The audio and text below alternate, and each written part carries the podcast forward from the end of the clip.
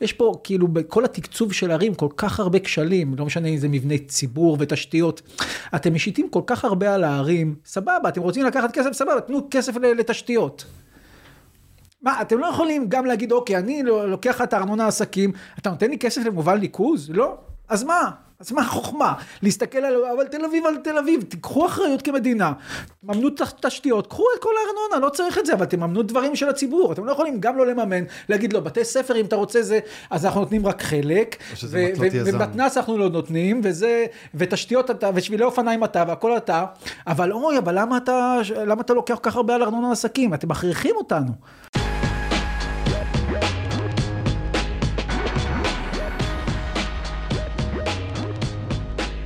עיר יפהפייה, אגב, חולה על תל אביב, חולה, חולה עליה, ממש. אני אוהב אותה, אני אוהב את כולה, את ה...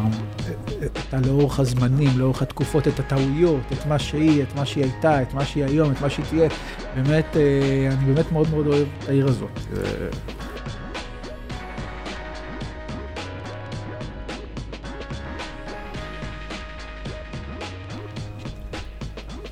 שלום וברוכים הבאים לפודקאסט האורבניסטים, הפודקאסט שלא רק מעביר לכם זמן בפקקים, אה, אלא לפעמים גם זמן באוטובוס, לפעמים גם זמן ברכבת, ובקרוב מאוד גם ברק"ל, הקו האדום.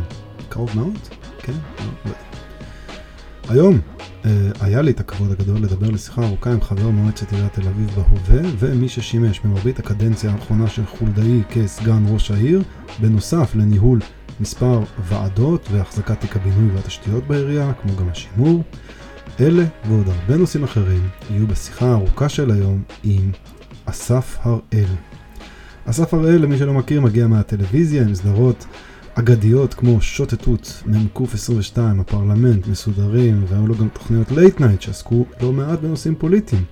ב-2017 הוא התחיל להגיש סדרת סרטונים סאטיריים באתר הארץ שעסקו גם לא מעט בנעשה בתל אביב, ואז ב-2018, לפני חמש שנים, הפיל את הפצצה כשהודיע שירוץ לראשות העירייה להתמודד נגד רון חולדאי.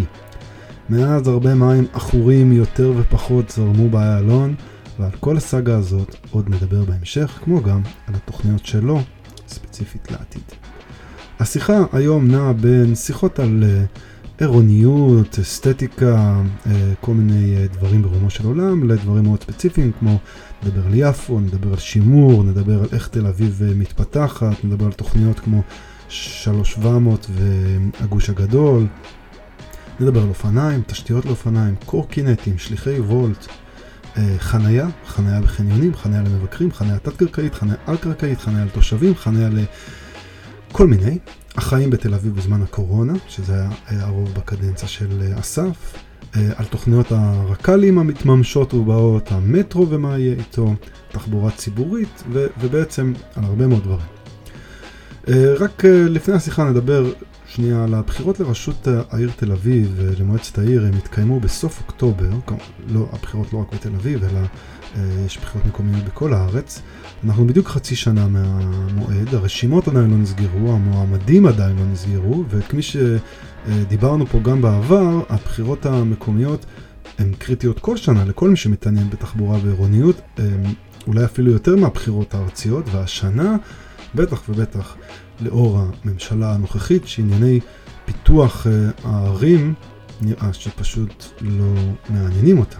מצד שני אנחנו שומעים יותר ויותר על פוליטיקאים שרוצים לזלוג מהפוליטיקה הארצית למקומית, אם זה אורנה ברביבאי שמדברת על להתמודד בתל אביב מול חולדאי, או אלעזר שטרן שרוצה לנסות להדיח את עינת קליש רותם בחיפה, שניהם מיש עתיד, מעניין.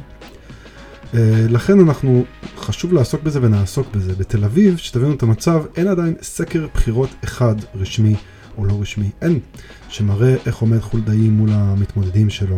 כשאחד המתמודדים, כנראה הבולטים, עמוס שפירא, רץ על אה, מצע אנטי עירוניות, אנטי תחבורה, אה, מצע 80's לעילה ולעילה שכולל תכנון אה, עבור רכב פרטי, הגדלת כבישים, הגדלת חניונים, ואגב הוא נראה כמו מאוד שממש יכול לאיים על, על ראש העיר המכהן. ולכן חשוב להמשיך לעקוב גם בפודקאסט, להשתדל להמשיך ולעקוב. לפני שמתחילים בשיחה, תודה רבה גדולה ומיוחדת לאולפני גיקונומי ובמיוחד לראם שרמן, האדיב והנחמד שנתן לי להשתמש באולפן שלהם לצורך הקלטת השיחה הזאת. אז תודה רבה ראם, ועכשיו לשיחה עם אסף. אני אפתח בזה ש... אה, אה, זאת אומרת, אני מכיר את אה, פועלך כבר הרבה שנים, אני וחברים היינו רואים, במיוחד, האמת, שוטטות, שזה יש לגמרי הקשר אורבני. מעניין, לא חשבתי על זה ככה. לוקאלי גם, מאוד אוהב את החבר'ה האלה שם של ה... תודה, תודה. מהערוץ המקומי. כן. ובכלל, האמת, שוטטות. שוטטות עירונית, זה משהו כן. שאתה אה, מאמין בו? או... מאוד, זה... מאוד. אני גם, גם שנים היה, לפני שהייתי ב... בעל משפחה היום גדולה כמו שאני, הייתי נוהג לנסוע לערים גדולות, ובלי מדריך. בלי מדריך, כאילו, מדריך אה, כתוב, אני מתכוון, אלא לתת לרגליים, אה, לקחת אותי, לבוא כל פעם לנסות לפחות לשבועיים. קצת לקרוא על אזורים, לקחת את ה... נגיד רכבת או אוטובוס או מה שלא יהיה, לאזור מסוים ולצעוד ולגלות אותו ולראות איך העיר מובילה אותך, וזו חוויה מופלאה לגלות עיר, כי עיר, בכל עיר, אה, למעט מודיעין, אני חושב, זאת אומרת, כל עיר היא נבנתה בקצב אה, אורגני, ואז ההליכה... אני, אני פעם שוטטתי במודיעין. אוקיי. הייתי היה מעניין. כן. מודיעין. פשוט עיר, אני חושב שזה לרוב לא מוצר שבונים בבת אחת. כשאתה בונה עיר בבת אחת אתה חוטא, כאילו אתה מפספס משהו מאוד מהותי ב... באינרציה, כאילו בצמיחה האורגנית של הדבר. כשאתה, זה פשוט לא, לא, לא, לא, לא קורה ככה, זה כמו שבן אדם, הוא נוצר מזרע, הוא לאט לאט צומח, וכשהוא מגיע לגוף מלא של אדם בוגר, הוא אחרי, אחרי שהוא עבר כבר אה, תהליכים אה, מסוימים, אז גם עיר, אני חושב, היא, הדבר, אני זוכר, פעם הייתי ב, בסדנה בטורקיה של תכנון, ו... והוא הסביר נורא יפה, כשבהתחלה שאתה בכפר, ויש פה כמה משפחות, אז אתה בונה בית, אתה מכיר את השכן, אז אתה לא רוצה להסתיר לו את הנוף, אז אתה בונה מאחוריו יותר גבוה, ואז ההוא שבא גם מכיר אותו, אתה מכיר, אז כולם מכירים את כולם, וככה הכפר, אה, בעצם הבנייה נהיית אה, מאוד מתחשבת, רק בגלל שכולם מכירים את כולם. Mm-hmm. והאנונימיות של העיר מייצרת אה, תכנון שונה, אז... אה. לגמרי, כן. אה, לצעוד בתוך... כישלונות או בעיות, אז מאוד, זה גם מאוד מעניין לראות, כן, לראות נכון. איפה, איפה אנשים טעו. נכון. אה, וזה באמת לא חסר בארץ. נכון. אה, אבל כן, תל אביב, אה, תל אביב מעניינת יותר. והיא צמחה באמת, תל אביב צמחה בצורה אורגנית, אנחנו מהגרלת המגרשים האלה. ועד מה שהיא היום, זאת צמיחה אורגנית של עיר, ובגלל זה יש בה חלקים שונים, שכונות שונות, אופי שונה. יש אפילו, אפשר גם לקחת את ההיסטוריה של יפו עוד למאה ה-14. נכון, נכון, נכון, נכון, גם שם מאוד מעניין. כן. אה, אה, והאמת, אה, כן, תל אביב, אני תמיד מסתכל על חיפה, חיפה זה אותו מצב כמו תל אביב ויפו, רק שאף פעם לא קראו לזה בשם אחר. זאת אומרת, חיפה העליונה אף פעם לא, היא לא עיר אחרת. זה יצר מה היה קורה אם פשוט בתל אביב היו קוראים, השכונה החדשה היהודית של כן. יפו. כן. אמ, אוקיי, אמ, ומה, מה... יפו אגב, אני חושב ש... אנחנו בטח לא נדבר על זה, אבל... למה?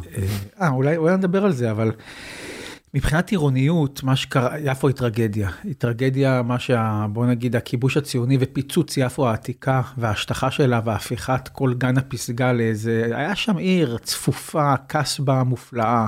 כן. הפכנו את זה לאיזושהי גינה שוממת, זה כאב לב. זה, אתה מדבר על הגבעה, האזור התיירותי. כן, כן, שמעל הכיכר, שם מעל כיכר קדומים, יש שם הייתה שם עיר מטורפת, פשוט אה, פיצצנו אותה.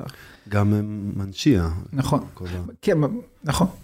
וזה, וזה, וזה כאב לב, כי היום מה יש לך שם? מנשייה עוד יש, אגב, מנשייה אישרנו בשנה שעברה תוכנית חדשה, תוכנית יפה מאוד בעיניי, שאלז ורבקל, אם אני מבטא נכון את השם, שהמשרד של תכנן תוכנית מאוד יפה שתכניס סוף סוף לאזור נווה צדק אוכלוסייה, גם אוכלוסייה צעירה והרבה יותר אה, הומוגנית, הרבה פחות הומוגנית ממה שיש שם עכשיו. השכונה החדשה של אה, נווה צדק? כן, מנשייה.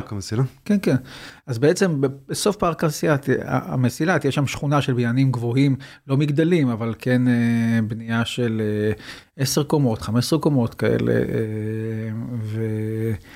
ואני חושב שזה יכניס הרבה מאוד דם, הרבה יותר, הרבה חיים לשכונה הזאת, ויפו העתיקה, יום יבוא שגם שם להערכתי אה, יהיה צריך לבנות אה, רק הפחד והדבר המדכא שזה יהיה מיועד בסוף לעוד בניינים של עשירים וזו שאלה איך אתה עושה עכשיו בנייה חדשה בלב שכונה עתיקה אתגר מאוד מאוד גדול. כן. גם פוליטית אה, אתה רוצה שזה ילך לאוכלוסייה ערבית אבל זה כל כך יקר אז אתה אומר בטח לא יהיה סיכוי לאוכלוסייה ערבית אז מה נבנה שכונה יהודית עכשיו גם לא גם לא נכון אז יש שם איזה. האורבניות בוא נגיד היא, היא לא בראש סדר העדיפויות שם כרגע, אבל מבחינה אורבנית זה, זה כאב לב יפו עתיקה. כן, אה, ובאמת אה, כש, כשבנו שם, אז בנו שם פרויקטים יקרים. נכון. שלא הלכו לא, לאוכלוסייה לא, ערבית. ממש ממש. ואפילו יצרו, הרי חלק מהפרויקטים הם קצת מוקפים חומות והם... אה, פרויקטים רציה. על הפנים, מה שקורה ביפו עתיקה. כן, ואז גם נכנסו לשם כל מיני גרעינים תורניים שהרעיון שלהם הוא כן. להפוך את... אה, כל הייהוד של יפו הוא חתיכת כבר, האוכלוסייה הערבית היא הולכת וקטנה ביפו. זה טרגדיה, אבל יש שם גרעין מאוד מאוד קשה אה, שהוא, ששומר על הזהות היפואית, שהיא אגב, הם לא חלק משאר ערבי ארץ ישראל. זאת אומרת, הם, הם מאוד מזוהים. ערביי יפו כקבוצה נפרדת. אני לא מספיק מכיר, אני רק מבין שזה... שזה עניין. יש את הצפון ויש את יפו ויש את... אה, זה לא שמישהו מיפו יכול עכשיו, אה, כאילו, הוא יכול, אבל יש גם איזה קשיים שאולי אוכלוסייה יהודית עושה יותר בקלות עוברת בין מקומות, לעומת זאת ערבי מיפו, ימכור עכשיו את הבית שלו במחיר יפה, ואז יעבור לצפון, זה פשוט, כן. לא, זה לא, לא העניין. כן. כן, זה סוגיות אה, אחרות שם. האזור הזה ספציפית גם באמת בגלל שהוא הופך להיות אה, מרכז עם תוכניות הרק"ל, אני מדבר על אזור יותר מנשייה והלמטה של נווה צדק, אוקיי. הרק"ל פלוס המטרו, M2, כן. שלא עובר בהרבה מקומות בתל אביב, זאת אומרת המטרו לא מתוכנן בהרבה מקומות בתל אביב, חוץ משמה, תכלס, ואז משמה כזה דוך להבימה וזה, אז מתבקש שם באמת לבנות. כן. אה, ובונים במה שנקרא, אנחנו קוראים לזה מבואות יפו, בונים הרבה מאוד עכשיו, כל אזור שלבים ו... ומנשייה, כל הזמן מאשרים שם עוד ועוד תוכניות. אזור בלומפילד, אה, הולך, זה כאילו האזור הבא שבו הולכים לבנות ב... ב... במסה, כמו שאנחנו רואים היום. כן, כאילו בהתחדשות עירונית. חלק התחדשות עירונית, חלק בנייה, הרבה שם זה אזור מוסכים וכאלה, שזה פשוט אה, בנייה... זה גם סוג שכאילו בסופו של דבר צריך אה, לעשות שם אולי אה, אה, איחוד וחלוקה מחדש. נכון. וכל מיני דברים שהם מסובכים לעשות. כן. כן.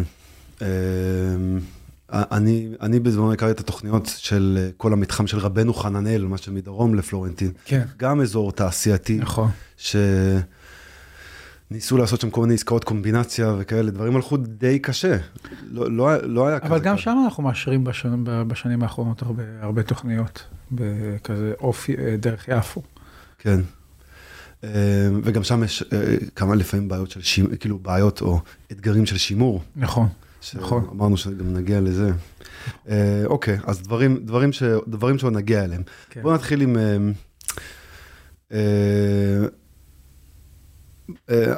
מה, אז נתחיל, מה גרם לך להיכנס לסיפור הזה לפני, אה, ב-2017, נכון?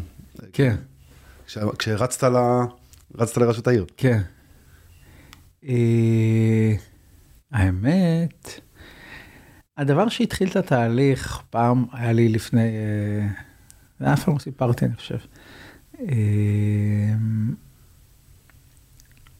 פגישה עם אהוד ברק. אוקיי. שאמר לי, בתקופה של המונולוגים בהארץ שעשיתי, וכזה, ואז הוא אמר לי, אני לא זוכר, או בתקופה של ערוץ מונולוגים בערוץ 10, הוא אמר לי, אתה צריך ללכת לפוליטיקה או משהו כזה. ואני חושב שאז הוא התחיל לגלגל את המחשבה שהוא הולך לחזור והוא רצה להתחיל לבנות לעצמו נבחרת זה לא היה מתוך הסתכלות עליי אולי לא לא יודע אבל אז אני יודע שהוא נפגש עם כמה וסתיו שפיר ואחר כך הוא רץ במקום עשירי פעם ברשימה הזאת אבל הוא זה שאמר לי כן שאמר מקומך שם ו...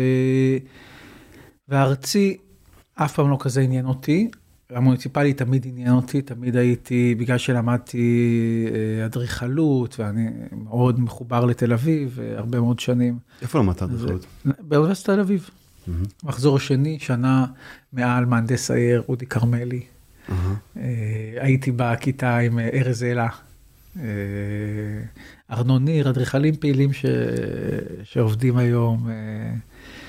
אחלה, החוויה מאוד מאוד מלמדת. בעיניי היה צריך להכניס את זה לתיכון, שכולם ילמדו תכנון. כאילו זה... לפחות עיצוב. לא, דווקא פחות עיצוב, דווקא יותר להבין את הסביבה שלכם, תבינו, רגע תסתכלו על המציאות, תבינו אותה, זהו, אתם לא צריכים לדעת לתכנן בעצמכם, רק תבינו מה, מה המשמעות של בניין, מדרכה, כביש, דרך, ירוק, רק תכירו את זה, חום, שטחים, הקצה. ייעוד דרך, זהו, רק תכירו את הדברים האלה, זה, אתה, אתה מסתכל על ה... זה בדיוק כמו שרופא מסתכל על בן אדם אחרת.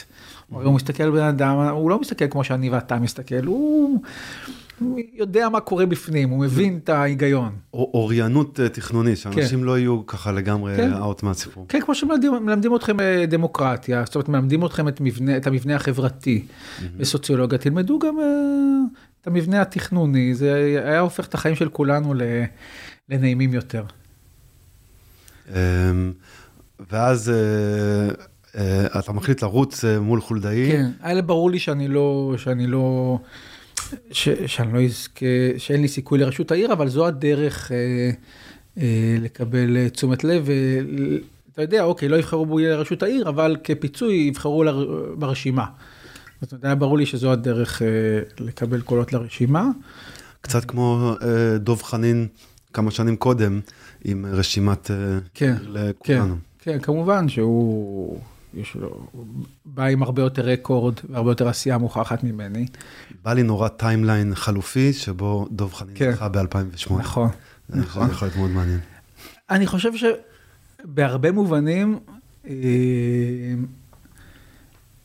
השינוי יהיה הרבה יותר קטן ממה שחושבים. יש מצב. אני כאילו כל הזמן טוען את זה, כמובן שאנשי חד"ש מזדעזעים וגם אנשי חולדאי מזדעזעים, אבל בעצם, אה, בוא נגיד חנין הוא early adapter, וחולדאי אולי הוא late adapter, אבל בסופו של דבר תסתכל על מה שהוא אומר על אה, תחבורה ציבורית היום, ועל שבילי אופניים, והיום על דיור בר השגה, זה דברים שדוב אמר לפני עשר, זאת אומרת, הם באותו מחנה, האחד, אה, זה גם יותר קל, האחד מחזיק בתפקיד ולכן הוא הרבה יותר זהיר, השני רק מייצר, אה, בוא נגיד, אה, רעיונות וצריך למשוך את המערכת ולכן הוא יותר חופשי להיות יותר קיצוני בדעות שלו, למקום, למקום טוב אני אומר. Mm-hmm. אבל בסופו של דבר, זה, זה גם מה שאני הבנתי, אנחנו חלק מאותו, מאותו צד בתפיסה העירונית, בתפיסה הפוליטית של מה זה עיר, ומה חשוב, ו... ולאן הולכים התקציבים. אז אה, כן, זה... דוב ורון... אה, התכנסו. כן, הם איפשהו, אה, הם על אותו ציר. אולי בכלל צריך להקשיב, גם דוב חנין דיבר על שתי מדינות לשני עמים, הרבה לפני שכולם כן. דיברו על זה. נכון. אתה חושב, ואז אחרי, אחרי הבחירות, היה לך כעס. אה, הכעס, אני חושב... היה גם כעס. היה גם. היה גם כעס, לא, לא צריך... אה, יש אנשים שלא התגברו על זה. אה. כן, נכון, אבל אני חייב להגיד לך שאני פגשתי, אני בתקופה שהתלבטתי, פגשתי בערך 200 אנשים ברחוב. כל, בן אדם שהצביע לי, שאלתי אותו. אוקיי. מה נראה לו? אף בן אדם אחד לא אמר, לא, אל תעשה את זה, אמר, כולם אמרו מה שנראה לך, תעשה מה שנראה לך הכי נכון להגשמת ה... זאת אומרת, אני חושב שהפעילים, של חד"ש, שכאמור האנשים האלה שמזדעזעים מהרעיון שחולדאי וחנין יש בהם המשותף והזדעזעו מהרעיון ולא הבינו שזו הולכת להיות קדנציה בעיניי שבדיוק כמו שאני חשבתי שאפשר יהיה לעשות בה מהפכת אופניים ותחבורה ציבורית בשבת זאת אומרת הרבה מאוד דברים אני הרגשתי ש, שהקרקע בשלה ואפשר יהיה להשפיע בהם. Mm-hmm. ויש אנשים ש... ואגב אני מכבד את זה שהאופוזיציה יותר חשובה להם ממימוש ה... המצע, בוא נגיד ככה, שהדבר המרכזי ביניהם זה, הם רואים חולדאי כמו ביבי, רק לא, רק לא, זה בלי קשר למה אתה יכול אה, אה, להגשים. אני רואה את הפוליטיקה כדבר הרבה יותר אה, פרקטי. ואם אני אומר, אם אני יכול להגשים פה את המצע שעליו נבחרתי, בטח שאני, בטח שאני אה, צריך להיכנס לקואליציה הזאת. כשיצאתי לדרך חשבתי שאני אהיה אחד, בתור אה, שאני ארוץ לבד, לאט לאט התגבשה הרשימה. כשהתגבשה הרשימה כבר, מתוך הרשימה אמרו בואו לא, לא נתחייב לאופוזיציה, שכנעו אותי, צריך להיכנס, צריך לפעול מבפנים. והרשימה כבר, אה, כבר הייתה גלגול יותר מורכב מכשרצתי לבד, כי היה פה עוד קולות והיה צריך להכיל עוד דעות. ומהרגע ש, שגם קיבלנו הישג, הרבה קולות ואפשר היה באמת להשפיע, ואני חושב גם שבאמת נתנו פוש ל... ל... אתה יודע, זה, אני לא רוצה לקחת קרדיט, כי, כי מה שקורה עם אופניים ודברים כאלה, זה קורה בכל העולם. לא שזה לא היה קורה בלעדינו, אתה ראית, העולם הולך לשם. אבל כן, זה, זה, וגם, וגם האוטובוסים בשבת, אני חושב שאני זוכר את השיחות שלי בתחילת הקדנציה עם חולדאי, שהוא מסביר לי למה אי אפשר לעשות אוטובוסים בשבת, mm-hmm. ו... כי זה הכל או לא כלום, ואני אומר לו, תעשה את מה שאתה יכול. אני זוכר את זה, את הוויכוחים, אה, תעשה מה שאתה יכול, תראה, ובסוף הוא השתכנע, אז אני חושב ש... הצהרת, הנאום הבחירות שלי, הסתכלתי עליו לא מזמן. ערב, אה, ערב לפני הבחירות, אני מדבר על שלושה דברים. Okay. אוקיי. מהפכת שבילי אופניים, תחבורה ציבורית בשבת, ושינוי סדר העדיפויות התקציבית מבחינת דרום ויפו. כשנכנסתי לעירייה גיליתי שתקציבית אנחנו, העירייה בהחלט נותנת הרבה יותר לדרום וליפו, זה לא מספיק, זה לא יסגור את הפערים, אבל אין שאלה, זה לא כמו שנראה לנו שהצפון מקבל אה, יותר תקציבים, רחוק מזה. רווחה וחינוך ויום לימודים ארוך, זה הכל הולך לדרום וליפו. ושני הדברים האחרים אה, הצלחנו להגשים, במובן הזה אני מאוד גאה ב... אני חושב שההחלטה הזאת אה, להיכנס לקואליציה מאוד הוכיחה את עצמה, ומי שאמר רק אופוזיציה, כן, צר לי, אתה לא יכול, כשיש לך כל כך הרבה בוחרים, אתה לא יכול אה, לרצות את כולם, אתה חייב ללכת עם ה... זה, זה אותם אנשים, אני חושב שיש להם... אם יכול להיות הם באמת עוד מאז עיר לכולנו ויש להם כן. משקעים לגבי חולדאי, הם חושבים נכון, שהוא דיקטטור. נכון, נכון, נכון. חולדאי, יש, יש בו הרבה בעיות. אני לא, בטח מבחינה אישיותית, כבן אדם, או... פגשתי הרבה, אנשים הרבה יותר נחמדים ממנו. אבל אה, אני לא, אני לא מערב את זה, זה לא, זו לא השאלה פה. כמה אני מחבב אותו כבן אדם וכמה הוא נחמד וכמה הוא, הוא אני חושב שהוא ראש עיר אה, מאוד טוב סך הכל. הוא בצד הנכון של הדברים, הוא רואה את הדברים לפעמים באיחור, אבל, ולפעמים מעט מדי, אבל אה, מצד שני, אם תסתכל על המדיניות שלו לעובדים זרים, הוא הכי, בכל דבר, הוא, בכל תחום הוא כמעט, בוא נגיד, הכי מתקדם בארץ מבין ראשי הערים. בפליטים הוא ממש, אה, הוא ממש מוביל את המחנה הזה, mm-hmm. וגם בעירוניות. תסתכל אפילו מה קורה בגבעתיים וברמת גן, איפה הם ואיפה ההבנות שלו. גם אם באיחור, אוקיי, הוא לא עיר לכולנו, הוא לא דב חנין, ועדיין, הוא ראש העיר שהכי מקדם עירוניות והכי מבין נת"צים ושבילי אופניים וזה. הביקורת שאני מכיר עליו זה שהוא, להכל הוא נגרר, הכל הוא עושה בסוף. אה. כן, זה נכון, זה מה שאני אומר. לאט מדי, אבל מצד שני, הוא יגיד לך באחריות, כי תל אביב זה... זה חתיכת החלטות מאוד כבדות משקל, שקל להגיד אותם כשאתה לא, כשאתה לא עומד אה, וצריך לעמוד מאחורי ההחלטות האלה בכל המובנים. אז, אה, אבל בסוף הוא מקבל את ההחלטות הנכונות, אז נכון, לאט מדי, אבל אה, אני אומר, בשביל הרבה תושבים בעיר שהם שמרנים, הם יגידו בסדר, אנחנו רוצים ראש עיר זהיר ואחראי, שלוקח זמן לפני שהוא מקבל החלטות גדולות. אם, אם נשאר בתחום הזה, אז בזמן, בקורונה או בתחילת הקורונה, 2020, כן. היה איזשהו עניין של אה, לעשות דברים אה, טקטיים. נכון. היה דיבור, אה, לא יודע, גם על הרחבת מדרכות, גם על שבילי אופניים טקטיים כן. וזה. ולא יודע, אולי זה בגלל הזהירות של עיריית חולדאי, אבל דברים לא ממש נעשו. בקורונה לא מספיק, לא. אבל, אבל זה היה, הקורונה נכנסה, התחילה, השקנו את תוכנית האופניים קודם, זאת אומרת, היציאה לדרך של המון שבילי אופניים חדשים קרתה לפני הקורונה. אז במובן הזה אפשר היה קצת להאיץ עבודות, אבל הייתה תוכנית מאוד גדולה שיצאה לדרך, הייתה אה, בעיצומה של מימוש, כן, לא ניצלו את זה לאקסטרה, אבל התחושה הייתה שבמצב הנתון של העבודות הרק"ל, שכבר התחילו, ותוכנית שבילי האופניים שיצאה לדרך, אה, אנחנו לא בדיוק, אתה יודע, בערים גדולות לא היה לך עיר חפורה ברק"ל ולא היה לך תוכנית אופניים, אז הם פתאום עשו מאפס. אנחנו היינו כבר בעיצומו של תהליך אה, מאוד מורכב, שעכשיו אה, לשנות אותו בגלל הקורונה, שלא ידעת כמה זמן היא תיקח, היה יותר קשה. עדיין ניסיתי ועדיין חבל לי שפוספס, אבל אני מאוד מבין את זה כשאתה מסתכל על המקום בו הייתה תל אביב.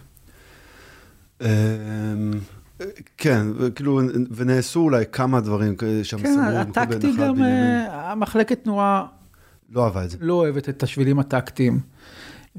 בהרבה מאוד אה, מקומות בעיר המפגש של הטקטים, תחנות אוטובוס, הוא מאוד מאתגר. וקשה, ובוא נגיד ככה. אבל גם כשמתכננים נכון, טוב, עדיין, נכון, עדיין נכון. זה מאוד קשה. אז על אחת כמה וכמה עם טקטי. ואז אמרו, אוקיי, אז בואו נעשה טקטי איפה שאין אה, תחבורה ציבורית, אבל אז אתה מתחיל, זה מתחיל להיות רחובות זניחים, לא אלה הרחובות שבהם אתה רוצה את הטקטי. ובכל הרחובות המרכזיים שלך, הרק"ל עוברת או תעבור, זאת אומרת, אתה מתחיל אבן גבירול, בן יהודה, אה, אלנבי, הכל כבר אתה, ואז הם אמרו, אני, אני מאוד דחפתי לטקטי באבן גבירול, אבל התג מחיר על זה בזמנו היה שני מיליון שקל, אם אני זוכר נכון, והם אמרו על מה שני מיליון שקל, עוד שנייה הם ייכנסו הרק"ל, אז בשביל להרוויח שנה של שביל טקטי, עכשיו נשים שני מיליון שקל של כסף ציבורי, אני חשבתי כן, אבל uh, ההזזה של תחנות האוטובוס על כל אי בגבירול, בגלל, בגלל שביל טקטי וכאלה, זה, אני גם, אני גם יכול לקבל ולהבין את מי שהתנגד, זה לא היה מופרך ההתנגדות. כן, היה גם לדיזנגוף, והיה גם לדברים בפלורנטין. נכון. אה, ודיזנגוף עבדו, דיזנגוף עבדו, עשו תוכנית, כן. והיו, והיו שם אה, כאילו אילוצים. נכון. מה אתה חושב על איך שיצא בסוף? אני מת על דיזנגוף. כן? אני, כן, אני פשוט חושב ש... קודם כל אני, אני רוכב שם, uh-huh. וזה כיף לרכוב שם. אמ, ואני חושב שבסופו של דבר ההחלטה אה, על ריינס היא נכונה. עם ההסתה לא אידיאלית, אבל נכונה. יכול להיות שעברתי, אני בדיוק לפני כמה ימים דיברתי עם אה, יואב לרמן, כן. ועברתי רדיקליזציה, אוקיי. יכול להיות... אה, תראה, אי אפשר הכל, זאת אומרת, אני אומר, אני לא רואה מה עדיף ביניהם. אה, זאת אומרת, אם אתה רוצה שבילי אופניים בשני הצדדים, רחבי, כן, לא נשאר הרבה מקום. אי אפשר, אה, אי אפשר הכל, באמת. אני, אני לא... אני חושב שכאילו, יש, יש איזשהו עניין גדול עם אה, תחבורה ציבורית. האם, אה, בכלל האופניים, לא רק בדיזינגוף, אבל דיזינגוף, האמת, זה מקרה בוחן מעניין. האם אה, אופניים באו על חשבון תחבורה ציבורית אה, במקומות, וכאילו, זה גם מתחבר לנתונים שהתחבורה הציבורית אה, מדשדשת בארבע שנים האחרונות, למרות שיפורי שירות. כאילו, ואז יש את הקורונה, אז קשה לדעת בדיוק, כן. כאילו, כי הקורונה ברור שהפילה... כן. אז אה, אתה חושב שיש בזה משהו לגבי ה... אה, האופניים מול, אה, מול תחבורה ציבורית? תראה, בדיזנגוף כן, יש מקרים, אני אומר, מאוד ספציפיים. בדיזנגוף הזיזו שם איזה בדיזנגוף, תחנה. בדיזנגוף, לא, אני אומר, קודם כל, הדבר הכואב שקרה בדיזנגוף זה שהכיוון שלם של אוטובוסים יצא מהרחוב. כן. זה מבחינת, זה, זה באמת, זה באמת פגיעה קשה ברחוב. ואנשים גם טענו שזה לא היה מתוכנן, זאת אומרת, עשו את זה. נכון, בדרך, זה, זה תובנה ש, שהגיעה במהלך העבודות, אבל אני חושב שבסופו של דבר היא נכונה. זאת אומרת, אה, עם כל, בעצם, יש לך, יש לך עדיין, דיזינגוף עדיין בבנייה. זאת אומרת, יש לך, אנחנו מאשרים שם פרויקטים של תמ"א וכאלה פה וזה. כל פרויקט כזה, תשים רגע משאית, תשים רגע פריקה וזה במקום, אם היה לך רק שני נת"צים שם, אתה חוסם אחד, אתה, הרחוב, זה היה יכול להיות שם פקקים וסיוט תחבורתי. כי ברחוב שעדיין יש בו בנייה ועדיין מתפקד ואתה לא רוצה לחסום מדרכות, הוא היה פשוט, אה, אתה יכול להגיד אני לא בונה יותר בדיזינגוף, ואז אני יכול לאפשר שם נת"צים, אבל כל עוד אתה בונה בדיזינגוף, והרחוב לא, אתה, לעשות שם שני נת"צים בתקופת עבודות, זה לפי דעתי היה גומר את הרחוב. יכול להיות אגב שעוד אפשר להחזיר לשם בעתיד את הנת"צים כשתיגמר הבנייה. זה לא מופרך בעיניי. ולהחזיר לשם את האוטובוסים. כן, כן, כן, כן. זה לא הבניין, מה שאמרו, הפנייה והסיבובים, חוסר תכנון, זה לא זה. זה באמת, אה, מבחינת שירות, ראו שהתזמונים עם ריינס אה, פשוט אה, נותנים שירות יותר טוב. אמ, וגם, וגם לא רואים, אני אומר לך, ולא רואים, מתייחסים רק בהנחה שהכל עובד, לא רואים מה קורה לבנייה ב, ב, בדיזינגוף, אה, איך זה יהיה עם שני נת"צים ובנייה. זה, בנייה אתה מדבר כאילו על משאיות? אה, כן, כן? כן, כן, תמה. יש לך תמה שעדיין אה, מלא בניינים בדיזינגוף, חלק כבר מאושרים, חלק לקראת אישור, חלק זה לא פשוט, ואז אתה משאית סוגרת לך נת"צ, אתה, אין לך, האוטובוס הזה לא יכול לעקוף אותה, האוטובוס הזה, זה נראה לך פקק, אתה פוגע בשירות בסופו של דבר במהירות, כל משאית פוגעת לך בשירות ב, לשני הכיוונים, וזה כאילו סיטואציה שאתה רוצה להימנע ממנה. כן. השאלה אם כבר לא עשו את זה טקטי, ו- וישבו ותכננו כן. הכל וזה, אז איך עדיין יוצא שאני אני גם, אמ, יואב הראה לי שם את השביל שיורד בדיזינגוף הקטן, הדיזינגוף בלי המסחר, זה שמגיע מכיוון, אה, כן. אה, אה, כאילו, היכל מכיוון התרבות אתה מדבר? איזה שביל?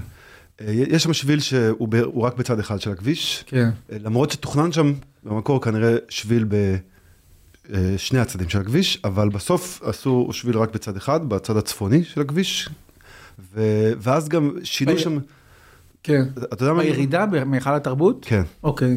זהו, וזה נראה שם כאילו, כאילו אה, באמת, אה, זה נראה, כאילו, אה, אה, בסוף, אה, בגלל שלא עשו שביל משני הצדדים, אז את השביל שכאילו היה אמור להיות רק צד אחד, אז סימנו שם במין פרטאץ' ככה שזה יהיה כאילו, כאילו שביל לשני הצדדים. גם הסימון אפילו לא בדיוק אה, רואים אותו, וזה נראה כאילו עשו, אה, דווקא, זה נראה כמעט אה, טקטי בכמה שזה, עשו כן. איזה מין, כן, אבל זה קטע, זה מקטעים, יש, דיזנגוף יש שם מקטעים נורא צרים, זה מקטע מאוד מאתגר. כן. אני לא מכיר. אני לא ראיתי שם תכנון יותר טוב, אני חושב שגם חלק מהבעיה זה הצומת, ובגלל שעוד עוד לא הגיע הצ... השביל של קינג ג'ורג', אז כל הצומת שם עוד לא, עוד לא, לא פתור. מסודרת. כן, כן. אז... אה, יש שם, יש שם באמת אולי כמה צמתים שבאמת אה, יכולים, הם מאוד, אה, כל האזור הזה הוא עדיין מאוד אה, מוטה רכב, הייתי אומר. יש שם, נכון, אה, כל העיר, כל העיר. כן. כן, אה, אה, יחסית לאזור שיש בו הרבה מאוד הולכי רגל שם ב- כן. בירידה וזה, אז יש שם אה, כבישים מאוד אה, רחבים. נכון, אבל דווקא, ב. דווקא במקטע הזה של דיזינגוף, אה, יש יש לך שם, ב- לא שלושה נתיבים, ואז שני נתיבים, אם אני זוכר נכון. אה, אני לא חושב שנכנס שם, אה, זה גם אה, שביל, גם בקטע שמול לך התרבות השביל הוא רק בצד אחד, זאת אומרת, בעצם מקפלן, מפה לידינו, מקפלן, השביל הוא רק בצד אחד. אה, ואז רק בסנטר הוא חוזר לשני הצדדים. לפעמים זה נראה כאילו בענייני האופניים, יש אה, רצון לעשות שבילי אופניים, אין רצון אה, להקפיד עד לסוף שהם יהיו מחוברים אחד לשני. אה, לא, לא הייתי אומר את זה, להפך, יש רצון גם כזה, אה, אבל אה, נכנסים פה עוד שיקולים. כאילו לפעמים זה, נראה- יש, יש שבילים, אני אה, לא מזמן, עכשיו ראיתי אה, ליד אה, בית אריאלה. השביל אה, אופניים נגמר, נכון. אה, ואז ממשיך אה, 50 מטר קדימה, באמצע הוא כאילו זורק אותך, הוא בעצם אומר לך סע על המדרכה. אה, אין, אה, השביל נגמר על המדרכה והוא אומר לך סע על המדרכה, אבל זה לא רשמי. אני פעם שנאתי את הדברים האלה, ראיתי וזה היה, אני אומר, איך עושים דברים כאלה? אוקיי. ו...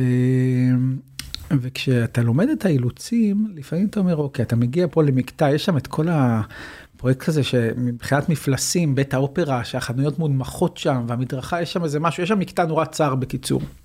ואז אתה אומר, אוקיי, מה אני עושה? אני מגיע משביל עד לפה, מה אני עושה?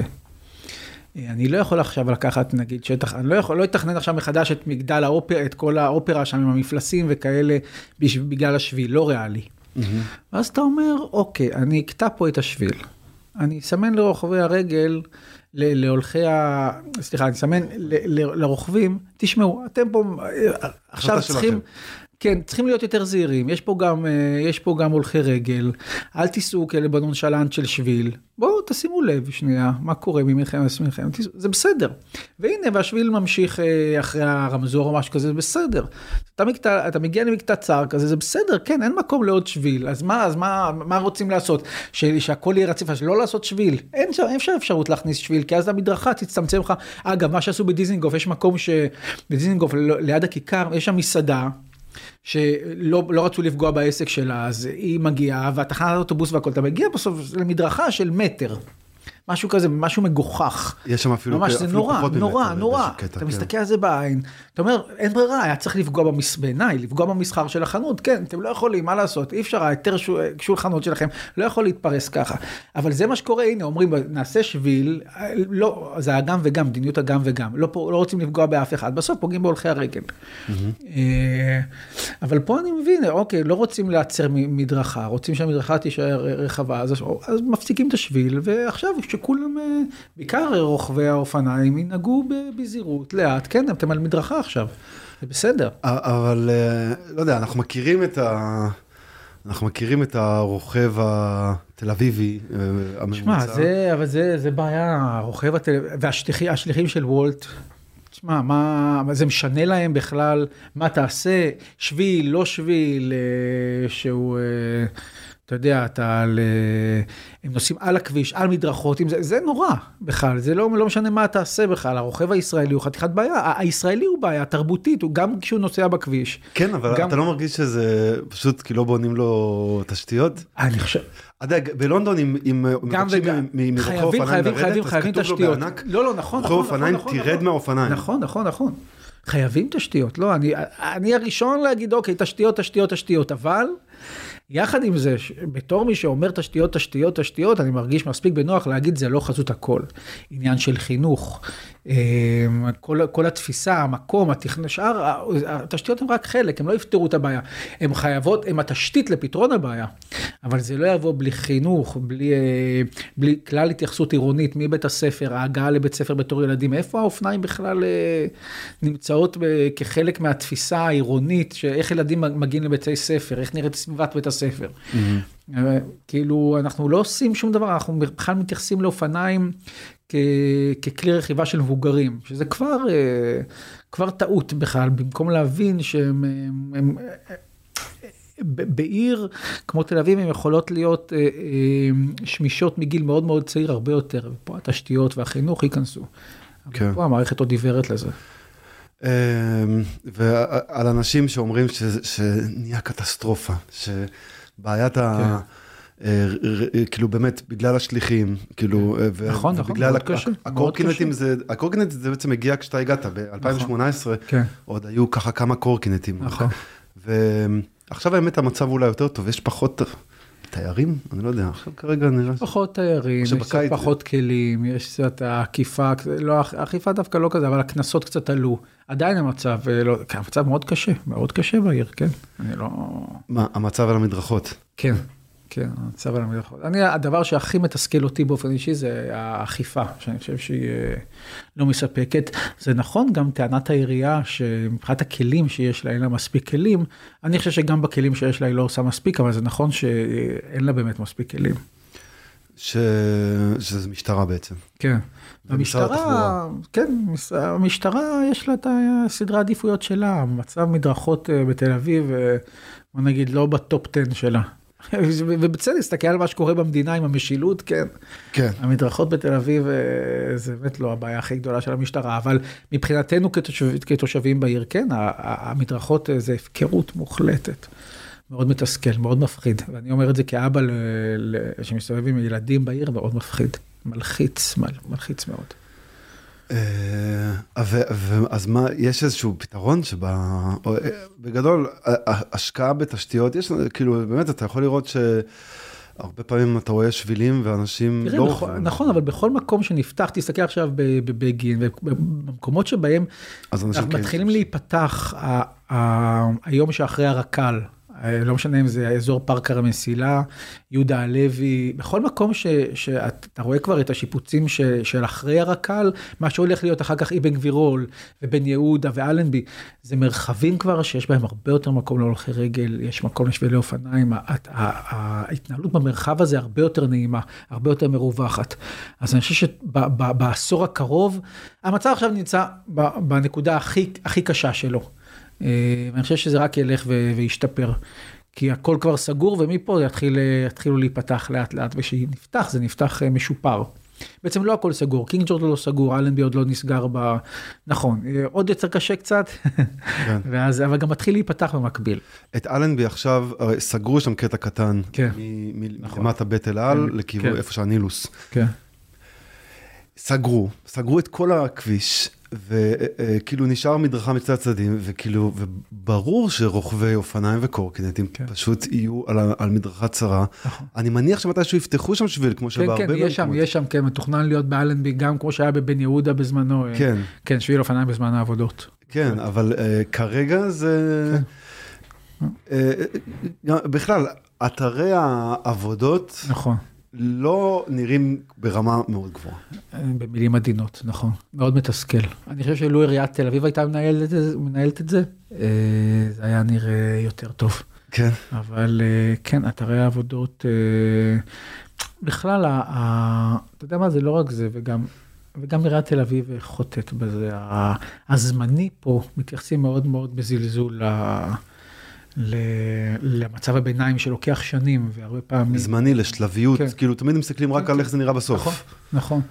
אני צילמתי, הייתי בניו יורק לפני, לפני שנה. תשמע, הפיגומים שם, שהם, איך שאתרים נראים בזמן עבודות, לפעמים זה יותר יפה מאיך שזה נראה אצלנו במצב הסופי. ההקפדה שם, וואו, יש להם פשוט אה, אסתטיקה, אה, תרבות, אנחנו בתרבות לא אסתטית מלכתחילה, באמת, אנחנו התגאינו בזה בשטטל, אנחנו המילה, המילה, המילה, אוי, אסתטיקה, אוי ויי, אנחנו לא, לא פסל ולא תמונה, אנחנו מילה, מילה, בסדר. עכשיו התרבות הזאת רוצה לייצר עיר יפה, זה, זה בעיה, כי באמת אין פה מגיל אפס, אתה יודע, נו, תרבות מכוערת, של, תרבות של מילה, בוא נגיד ככה, תרבות עמוקה, עגלה מלאה, אבל אה, לא אסתטית, וזה קשה, וגם בעירוניות זה קשה. כן, יש מצב. אנחנו לא, לא עם של עיצוב. לא, לא, אנחנו מתגאים בזה. אנחנו הרבה שנים, אתה יודע, זה, זה היה, בעוד שהם עושים כנסיות יפות, והם uh, מתפארים בכל הזניח, בכל הטפל הרי זה האסתטיקה, אנחנו המילה, ואנחנו המהות, הקדושה, אתה יודע, האלוהים שאתה לא רואה אותו. הרי זה כל ה... אין, אין, אין מה לראות, אין מה לצייר, זה רעיון, זה אידאות. אז זה מאוד יפה, באמת, אני אומר לך, בתחום התוכן זה, יש הרבה עומק אה, ליהדות. אבל אז אתה מסתכל על בתי כנסת, אה, פחון אחרי פחון, כן, זה פח, כל התרבות, אה, כן, תסתכל מה, הם הולכים בכנסיות, החוויה, ש... הח- החוויה האסתטית בתרבות הנוצרית וגם בתרבות האסלאמית, החוויה האסתטית היא חלק מאוד מהותי בתפיסת העולם. כן. זאת אומרת, ה- היחס ל- לח- למציאות כאן כ- כפרוזדור לעולם הבא, זה במהות הנצרות וה- והאסלאם.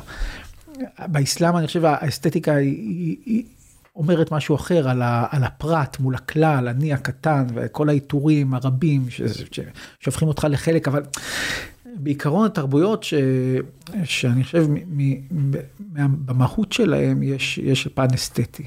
ואנחנו בעצם, אתה יודע, עד ה... עכשיו, תל אביב כן הוקמה, שהיא מוקמת, אז תל אביב כן... היא לא כך, כאילו, תל אביב היא מאוד יהודית. אני כשעברתי לפה, אני אה, מודה שהתפלאתי מכמה היא יהודית יחסית כן. לחיפה, אבל היא גם היא ישראלית. כן, היא, כאילו, כן. היא אולי יכלה להיות יותר ישראלית. אבל הציונות, שמע, הציונות יש בה משהו מאוד תכלסי. זאת אומרת, אה, יש- יאללה, בואו נמחק ונבנה ונהיה פרקטיים. בכלל, בישראליות יש משהו מאוד פרקטי. ולראות את היופי בפרקטיקה, כאילו אפילו יופי של כיעור כזה, אם דברים עובדים, כמו שצריך. כן. אתה מסתכל על איך איך ישראלים מתלבשים. נו, מה אנחנו זה... אה, בסדר, מאוד פרקטי. אנחנו בסדר, זה חם פה, יאללה, מכנסיים קצרים, טישרט, כפכפים. אה, או, או, או בחורף עם ה... עם ה... מה- מגפי פרווה האלה שהם לא משנה זה, זה זה תמיד פרקטי מאוד פרקטי ומאוד ומה לעשות אסתטיקה היא לא פרקטית ואז אז אנחנו טובים. בפרקטיקה ולא באסתטיקה ואתה משלם את המחיר במקומות ה... ב- אני זוכר אה, סיפורים יפים על אה, שוטטות בדרום תל אביב של אהוד בנאי, כן. שהוא מדבר על אה, כאילו על הליכה בין המוסכים ובין כן. הזה, ואתה יודע, הוא אישית, הוא מאוד אוהב כל מיני דברים יהודים. הוא, כאילו, אפשר לראות את היופי בזה. אני אישית, יש לי חברים שיסכימו איתך ויגידו שתל אביב היא עיר מכוערת. לא, אני חושב- וכל אני- ישראל מכוערת. לא, ישראל לא, לא. כאילו, ישראל לא אסתטית, אני איפשהו מסכים.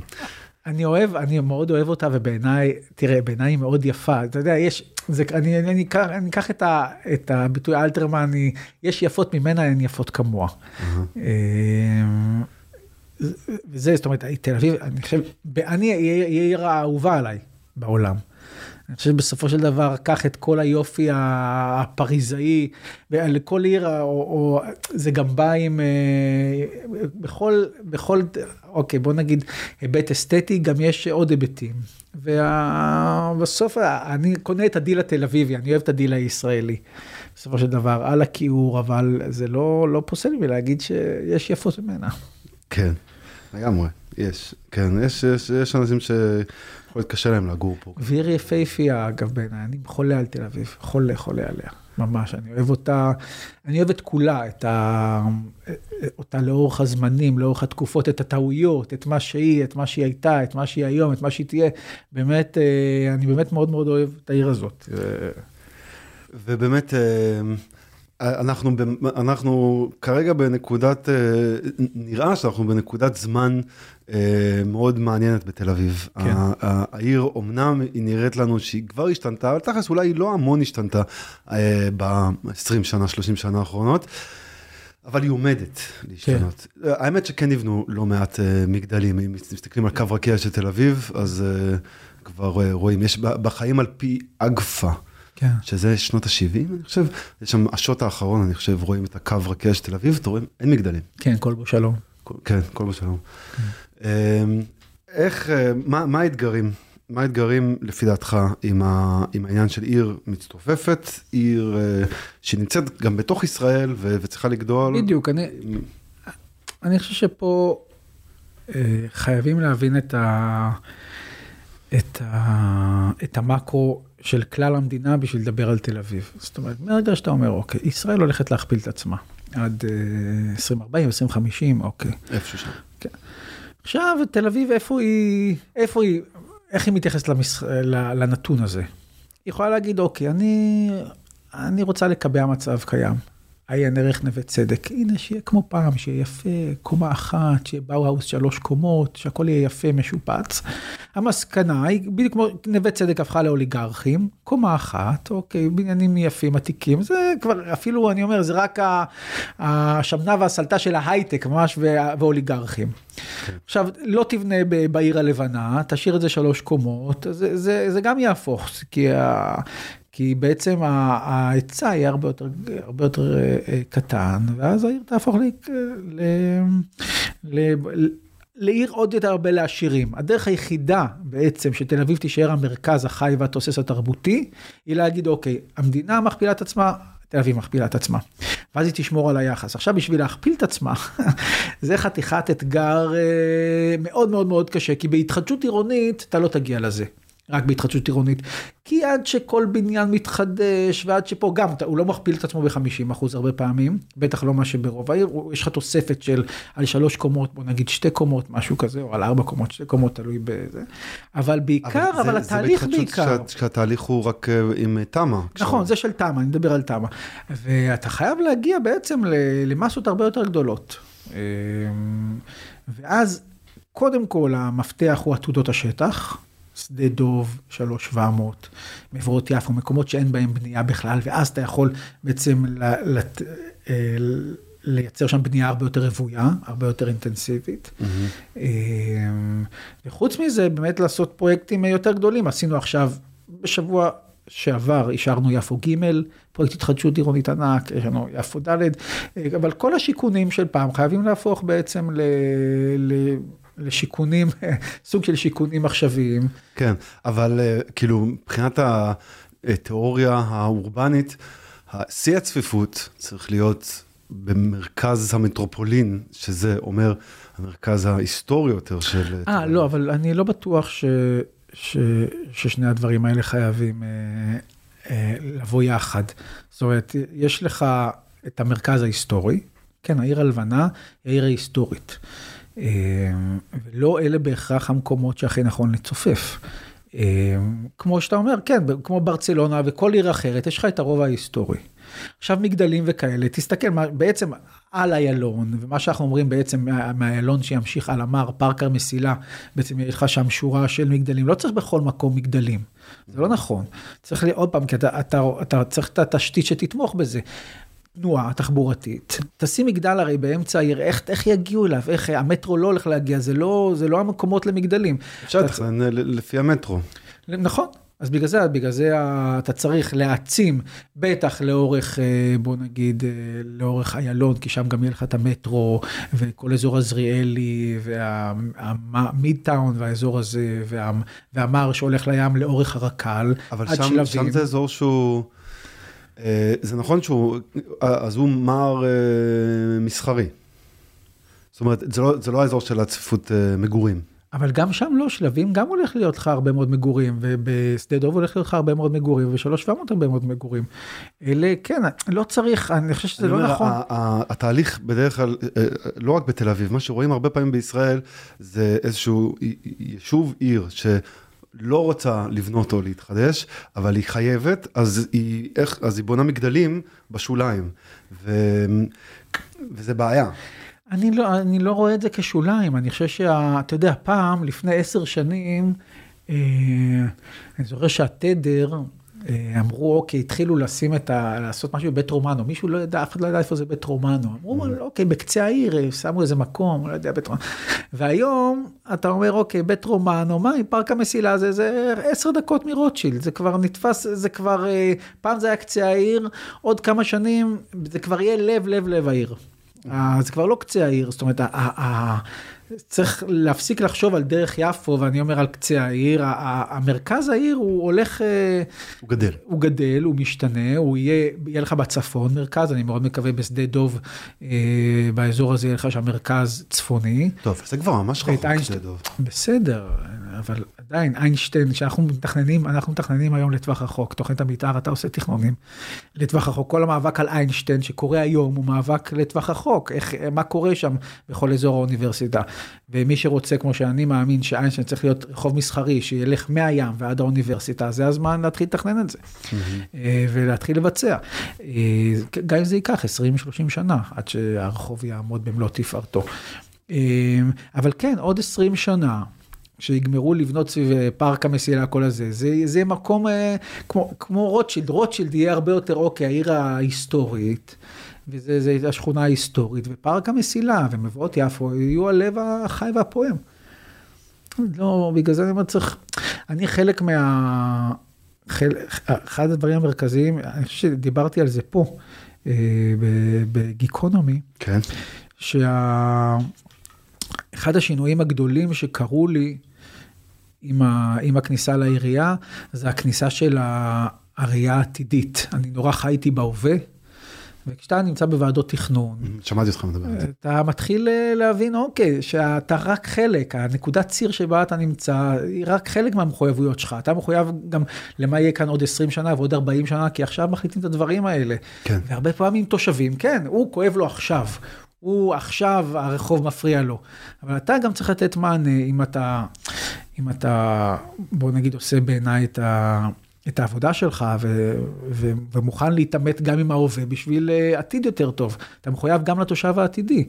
ו, והרבה פעמים שאנשים קשה להם עכשיו, אוקיי, אבל מה עם המדרכות? אבל אני רגוע בהרבה מקומות, כי אני יודע, וואו, אני יודע מה ייפתח. ואני אומר, בסדר, זה כמה שנים קשות. והולך להיות, אה, הולך להיות אלנבי כבר וואו, אנחנו, לפעמים אתה כל כך בוואו, כמו הרבה אנשים בעירייה, שאתה שוכח את העכשיו, אבל זה לא מפחית מהדבר הזה שהם צודקים, שהרחוב הזה, או אלנבי הולך להיות, אה, הולך להיות מוטה הולכי רגל, התקבלה שם החלטה מאוד משמעותית, שמאוד מטיבה עם הולכי הרגל, אה, החלטה שאני חושב שבסופו של דבר היא נכונה. אה, עם כל המורכבויות שיש בה ועם המחיר העירוני. ששלמו עליו, אה, עליה, אז אתה, ברגע שאתה מכניס את, ה, את, ה, את העתיד ואת הראייה הכללית, אז אתה אומר, אוקיי, כן, אני, אני רואה את הדברים בפרספקטיבה קצת שונה. כן. ובאמת אה, גם לחשוב על, אה, אבל כמו שאמרת מקודם, לחשוב על שלביות, לחשוב, אנשים נכון, יחיו פה גם נכון, בעשר שנים נכון, הקרובות, נכון, נכון, גם נכון, עשר שנים אחר כך. אבל חייבים לזכור שהעתיד הוא חלק מהשיח, אתה לא, אתה יודע, היה לנו דיון מאוד מאוד מעניין אצל, אה, אני זוכר אצל, אצל ראש העיר בתחילת הקדנציה על העצים בארלוזרוב. כן. שאני ואופיר ואורלי היינו מאוד כזה, מאוד בעד השארת העצים. Mm-hmm. כאילו, ובסוף אה, חולדאי נכנע. הוא אמר, בסדר, אני לא יכול להילחם בכם בכל החזיתות, אני בוחר את המלחמות שלי, בסדר, שיישארו עצים. אבל הוא אמר, תבינו, אני, אני מתכנן את הרכבת כמו שהרכבת צריכה להיות. עצים אפשר לשתול, ועוד 40 שנה יהיו פה עצים. בסוף, אם עכשיו נתכנן לפי העצים הקיימים, בסוף לא יהיה לנו תכנון רכבת, הרכבת הבונה פעם אחת. תתכננו את המסלול המיטבי. והעצים בסדר, והעצים יגדלו, זה כואב לי לכרות עצים ועצים נפלאים, נכון, אבל אתה בונה פעם אחת רכבת, תבנה אותה כמו שצריך, במקום שצריך, והעצים בסדר, מה שצריך לכרות, נכרות, ו- והם יגדלו, והעיר לא נגמרת, היא לא חיה רק היום, היא חיה גם עוד 40 שנה, ועוד 50 שנה, ועוד 100 שנה, שים את הרכבת איפה שצריך. ווואלה, זה טיעון שאני אני מכבד אותו, אתה יודע, כן. זה לא, ואחר כך שהגענו לעצים באלנבי, כן, אז ה- אז המשמעות של השארת העצים באלנבי, היא, היא חלק ממנה היא הסטת התחבורה הציבורית.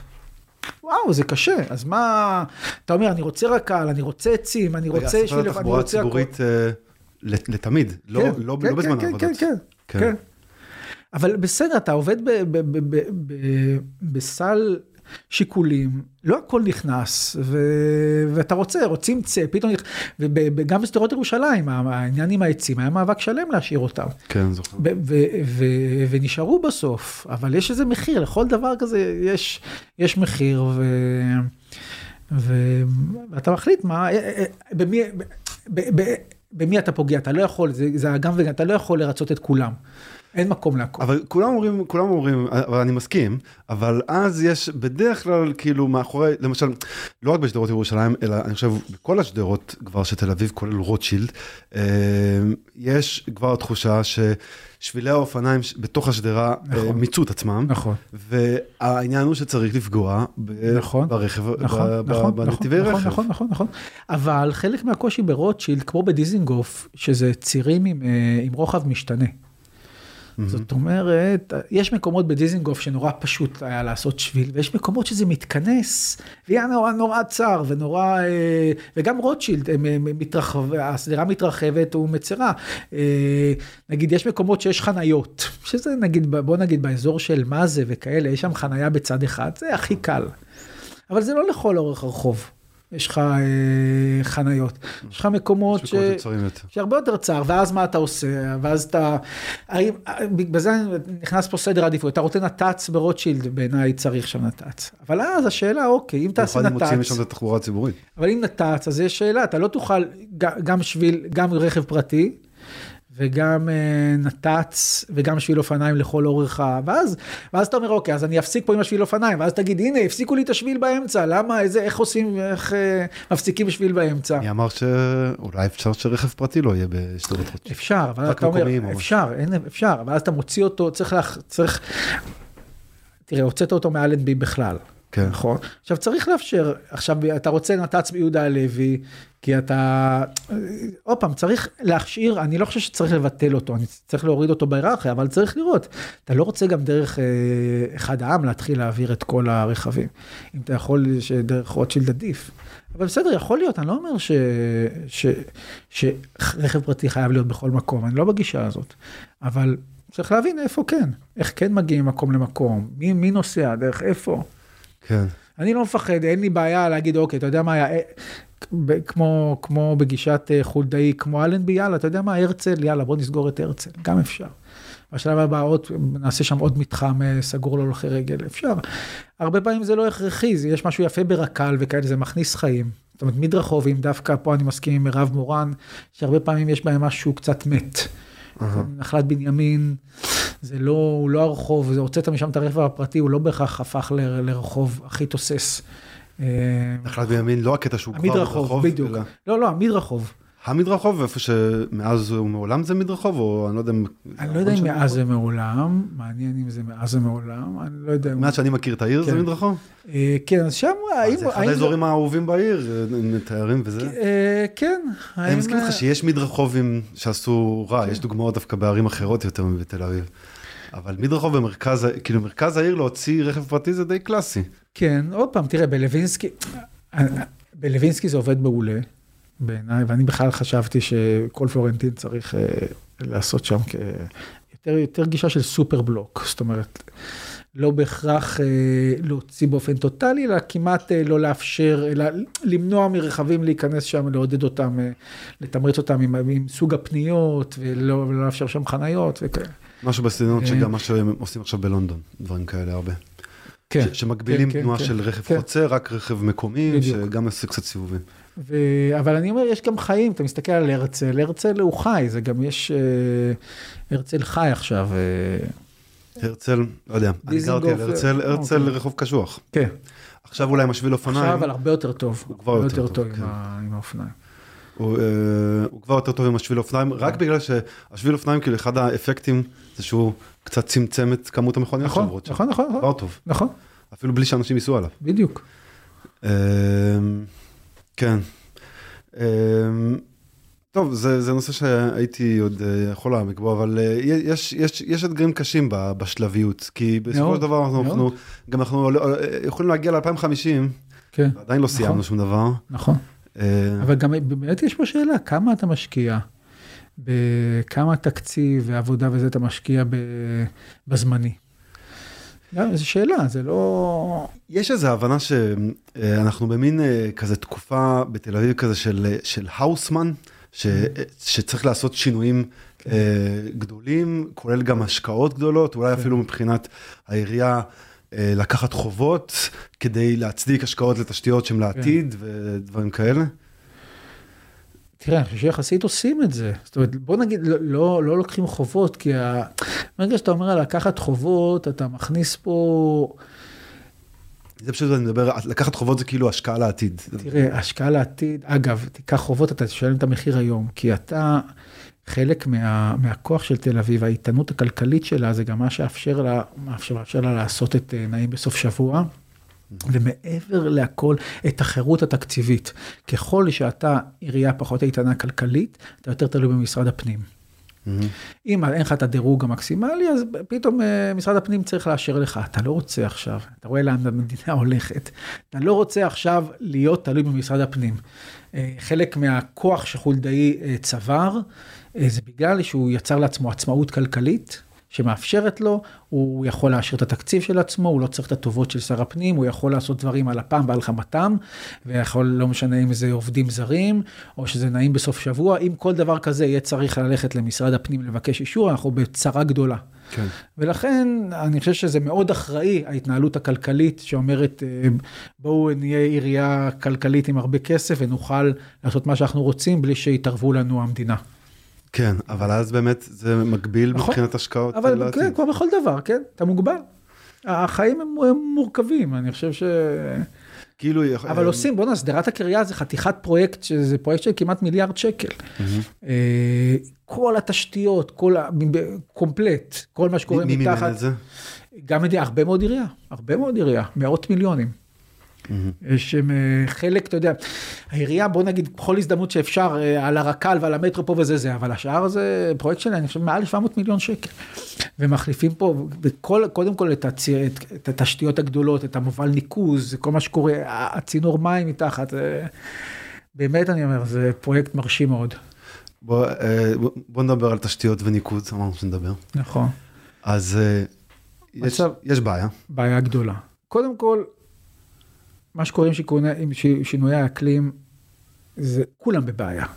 כל העולם בבעיה, העולם לא, אני, אני לא יודע למי יש תשתיות שיכולות להתמודד עם הכמויות מים שיורדות בבת אחת בנקודה מסוימת. לונדון זה, השקיעה לפני 20-30 שנה אני לא יודע, עוד פעם, ברייר ודברים כאלה שהם כן, אה, כבר, אה, שעוזרות להם, כי גם שם יש בעיות הצפות מאוד כן. רציניות. ואגב, זה אותם חבר'ה שבנו את העיר הזאת, הם גם מבינים משהו בהצפות. כן. אז בוא נגיד ככה, אנחנו, קודם כל בעיר יש לך אה, פערים מאוד גדולים בגלל ההבדל בזמן ששכונות נבנו, יש לך פערים מאוד גדולים ברמת התשתיות בין צפון לדרום למרכז, קודם כל אתה... הצפון הוא יותר חדש, הוא יותר, אה, ויש שם בגלל זה גם האוכלוסייה יותר חזקה, ויש בגלל זה תשתיות במצב הרבה יותר טוב. והדרום, ובטח שכונות לא מוסדרות, קטסטרופה. וזה גם קצת ההצפה של אה, של איילון. נכון, ואיילון זה עוד נושא בפני עצמו, ועכשיו עם ההצהרה של המסילה הרביעית, עכשיו הולכים לעצר עוד את איילון, בשביל להכניס את המסילה הרביעית. מהמם. ועוד אין את המובל לים, שאמור להקל על המים, זה גם איילון פה, בוא נגיד, וקודם דיברנו על כל הבנייה שמתרכזת סביבו, וזה פוטנציאל לקטסטרופה. אני, אני חושב שבוא נגיד המובל לים, הוא, הוא עוד לא אושר סופית, הוא כן, כן יש הבנה שצריך לעשות אותו, אבל הוא עוד לא, עוד לא אושר סופית, פרויקט אני חושב שזה מיליארד וחצי שקל. כן. אמ, והוא חובה, הוא חובה. אני גם לא הייתי מעצר, לא הייתי מצר את המסילה הרביעית. אני חושב שהם ממשיכים להרחיב את איילון, אפרופו, עם עוד, עם עוד אה, נתיבי נסיעה, ופוחדים אה, לפגוע ברכב הפרטי, במקום להבין שעדיף, דוגמה קלאסית, עדיף, יש לך נגיד חמישה נתיבים באיילון, אין לך מה, אין לך, הרכב הפרטי זה כאילו, זה להכ, להכיל אה, מפלצת. מפלצת שאף פעם לא, אף פעם לא ת- תהיה שבעה, זה חסר טעם. להפך, למה לא עושים קירוי איילון? כי יש בעיה ליסודות. שים יסודות על אחד הנתיבים ותוכל לעשות קירוי לאיילון. למה מצרים את, את, ה- את תעלת הניקוז? בגלל, כי לא רוצים לפגוע בנתיבים, אז יפגעו בתעלת ניקוז, ואומרים נעשה מובל, לא צריך, תשאיר את התעלה כמו שהיא ותיקח את אחד הנתיבים. אז האיילון יש שלושה נתיבים, אוקיי, אז יעמדו בפקקים, אין מה לעשות, אין מה... אתה לעולם לא תפתור את, ה, את בעיית הפקקים באיילון, לעולם לא. תמיד יהיו שם פקקים. אז אם, אם אתה חייב, זה, זה בכלל הגישה שלי אה, אה, לתכנון בעיר, את הרכב הפרטי לא תוכל לרצות אף פעם. אני חושב שהיה מעניין להראות אולי כמה באיילון זה תנועה אה, תוך עירונית, כמה זה אנשים שכאילו נוסעים בתוך העיר, אבל ה-Waze אומר להם לנסוע דרך איילון, כן. בגלל זה יותר מהר. נכון. תנועה כזאת, פשוט סע באוטובוס. כן, נכון. אי אפשר, איילון תמיד יהיה פקוק, אין מה, אין מה להוסיף נתיבים, אין מה, צריך להבין שהרכב הפרטי, אי אפשר, בנתון, במצב האובייקטיבי של תל אביב, אי אפשר אה, שעם הגדילה המתוכננת שלה, אי אפשר יהיה לספק כזאת כמות של מכוניות. העיר הזאת לא יכולה להיות מבוססת רכב פרטי. אין, זה לעולם לא, אין מקום לתכנן פה תכנון כזה, שלכולם יהיה רכב פרטי ו... וייסעו לכל מקום, אין, אין אפשרות, העיר צרה, הרחובות צרים מדי, העיר קטנה מדי, זה חייב להיות מערכת שמאפשרת תחבורה ציבורית, שבילי אופניים, ואז מי שחייב רכב פרטי, שבסדר, שיבחר את השעות ו... ויקח את ה... את... יחיה עם המשמעויות של רכב פרטי, אי אפשר לעולם לתכנן לפיו. לפיו. ו... ולכן איילון הוא דוגמה קלאסית בעיניי ל... לסדר עדיפויות מעוות. ואולי זה, וזה לא הכל בהחלטת העירייה שם. ממש לא, המסילה הרביעית על אפנו ועל חמתנו. ממש, ממש מקומם, היה צריך לקחת, אה, לקחת נתיב, אה, לא, לא להצר את התעלה בכלל. זה גם היה צריך לקרות בשנות ה-90 כבר. מה, ש, מה, שלא, מה שלא יהיה שם. הכל. הכל, תשמע, אפילו הרק"ל, כל ההתנהלות, הרק"ל, לא שהיא לא, לא, לא, לא שזה לא פרויקט חשוב, אבל קודם היה צריך מטרו. כאילו, והרק"ל זה nice to have, לא זה הפרויקט ה... זה, אופה, זה נחמד, זה בעיקר נחמד לנו התל אביבים, לכל מי ש... הפרויקט לפריפריה זה, הרק... זה המטרו. הרק"ל הוא כן הרבה יותר, גם הקצב שלו וההתניידות שלו, בסדר, היא בנסיעות מחוץ לעיר, אולי, בוא נגיד רמת החייל, זה, ה- ממרכז לרמת החייל זה קצה ה... קצה היכולות, כזה פנים עירונית, אבל אם אתה רוצה להגיע מחוץ לעיר, יאללה, אתה יודע מי שיבוא מפתח תקווה, איזה ייאוש זה, לבוא ברק"ל, במטרו היית טס לפה. ועכשיו את כל ז'בוטינסקי, בני ברק, כל התחנות, וואלה, תעשה את זה במטרו ב- בעשר דקות, למה אתה צריך בחצי שעה? זה לא, זה הרבה יותר מתאים לנסיעות קצרות. אבל בסדר, משרד האוצר לקח לו זמן להבין. לקח לו זמן. לא רק משרד האוצר, גם ראשי העיר, אתה יודע, המטרו פה. ב-1930 כבר התחילו לדבר על, אה, על מטרו. בא לפה יזם, אתה יודע, בא לדיזינגוף, ואמר, אה, יזם ואמר, אני רוצה להקים פה מטרו. והוא אמר, אה, זה השיר של נתן אלתרמן. והוא אמר לו, והוא אמר לו, אז עזוב מטרו, תעשה, תעשה קולנוע, וככה קולנוע עדן הגיע לחיים. כי אז זה היה צריך לעשות את זה ממש ממש ממש מזמן, וכמעט כל ראשי העיר חטאו, פספסו את הרכבת. אה, ואתה, אגב, אתה מאמין, אה, תוכניות, ה... טוב, הקו הירוק והסגול קורה אה, של כן. הרק"ל, אתה, אתה מאמין אה, שהמטרו אה, יתממש? כן. אין ברירה כן? אחרת, כן, כן, כן. אה, יש, יש המון, הרי באמת זה לא תלוי בעיריית תל אביב דווקא. כן. אה, אפילו להפך, אני לא חושב שמישהו ירצה לתת לעיריית תל אביב דווקא להוביל את זה. אנחנו לא פקטור פה, זה, זה באמת, זה גם לא, זה אינטרס של כל המדינה ושל כל הערים האחרות. זה לא, לא רק תל אביב פה במשחק. ובאמת רואים, אגב, כאילו, גם מה שאתה אומר לגבי האחריות התקציבית של, של העירייה וכולי, לשמור על הכוח אה, מול השלטון המרכזי. אה, יש, יש עניין כאילו עם זה שהעיר תחבור לשאר המטרופולין ותוכל אה, להיות הרבה יותר, כאילו, כל המטרופולין יחד הוא כבר ממש נכון. כוח גדול. נכון. נעים בסופש והאוטובוסים האלה זה אולי איזה מין אה, התחלה של זה. אה, כאילו נכון. שיתוף פעולה בין שאר הרשויות פה. נכון. אה, אבל זה אפשרי לקדם את זה עוד? זה, זה עוד יכול לקרות, כל כן, הרשויות? בעיניי כן, אני חושב שכן. אני זה ה... אני לא זוכר מי, כן, אני כן זוכר בעצם, יש כמה, בפי תחבורה איזה כמה תושבי גבעתיים, כאלה כן. שאמרו לי, רוץ, ל... אם אתה לא רץ לרשות תל אביב, תרוץ לגבעתיים. אמרתי, אוקיי, אני יכול לרוץ לגבעתיים, ויאללה, ולאחד אותה עם תל אביב ולפרוש. שזה ה... זה, ה- זה מה אפילו- שצריך אפילו להיות, ואז ים לרוץ, ואז. לרוץ לרמת גן, לאחד אותה עם תל אביב ולפרוש, כל פעם לעבור עיר, אה, לאחד אותם ו, ו, ולפרוש, כן, זה הכל צריך להיות אה, עיר אחת, זה, זה, זה מגוחך שכל, אה, אתה יודע, בערבי נחל, כל מיני, צד ימין עיר הזאת, צד שמאל עיר אחרת, זה כן, מגוחך. אבל, אה, זה כאילו, אה, עדיין יהיו רובעים ויהיו כן, בסדר, הבדלים וזה מה שצריך להיות, המקומות. כן, כמו שיפו. היא, כמו שיפו היא רובע בתוך תל אביב, צריך שגבעתיים תהיה רובע בתל אביב. אנשים אגב, רובע. אני חושב שהאינטואיציה, האינטואיציה של אנשים זה שזה יוכל לצמצם פקידות. זה יוכל כאילו, למה צריך אה, גם בגבעתיים, לפי דעתי ההפך, צריך הרבה יותר פקידות, צריך, צריך הרבה יותר אנשי מקצוע בכל, ה, בכל העסק. כן. כאילו זה, זה, לא המטרה לצמצם ביור, בירוקרטיה, המטרה זה דווקא ליצור אה, אה, משהו, משהו חזק שיכול לשמור על אינטרסים של כן, כל אני- המטרופולין. בעיקר אני חושב, אני חושב שבתחבורה זה מאוד מאוד ברור. הרמזור האחרון בגבעתיים חייב לדבר עם הרמזור הראשון בתל אביב, זה לא יכול להיות שתהיה פה מערכת תנועה אחת.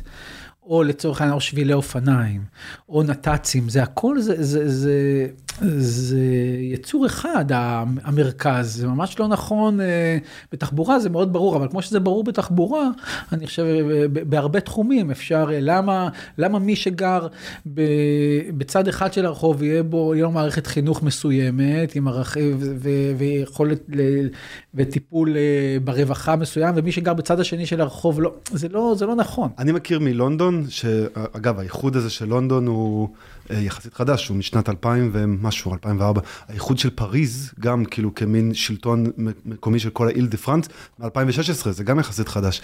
בלונדון, ה-Greater London Council, כאילו מה שהרשות המטרופולינית מתעסקת בו, זה רק תכנון ותחבורה כן. ו- ומשטרה.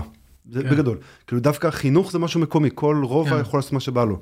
אה, כן, בסדר, אני. לא חושב שזה, שזה, שזה גורם, למ- שזה יעשה שינוי מאוד גדול, ולכן זה לא דבר כזה דרמטי בעיניי. זה פשוט, אה, באמת, רשות תחבורה מטרופולינית, כדאי.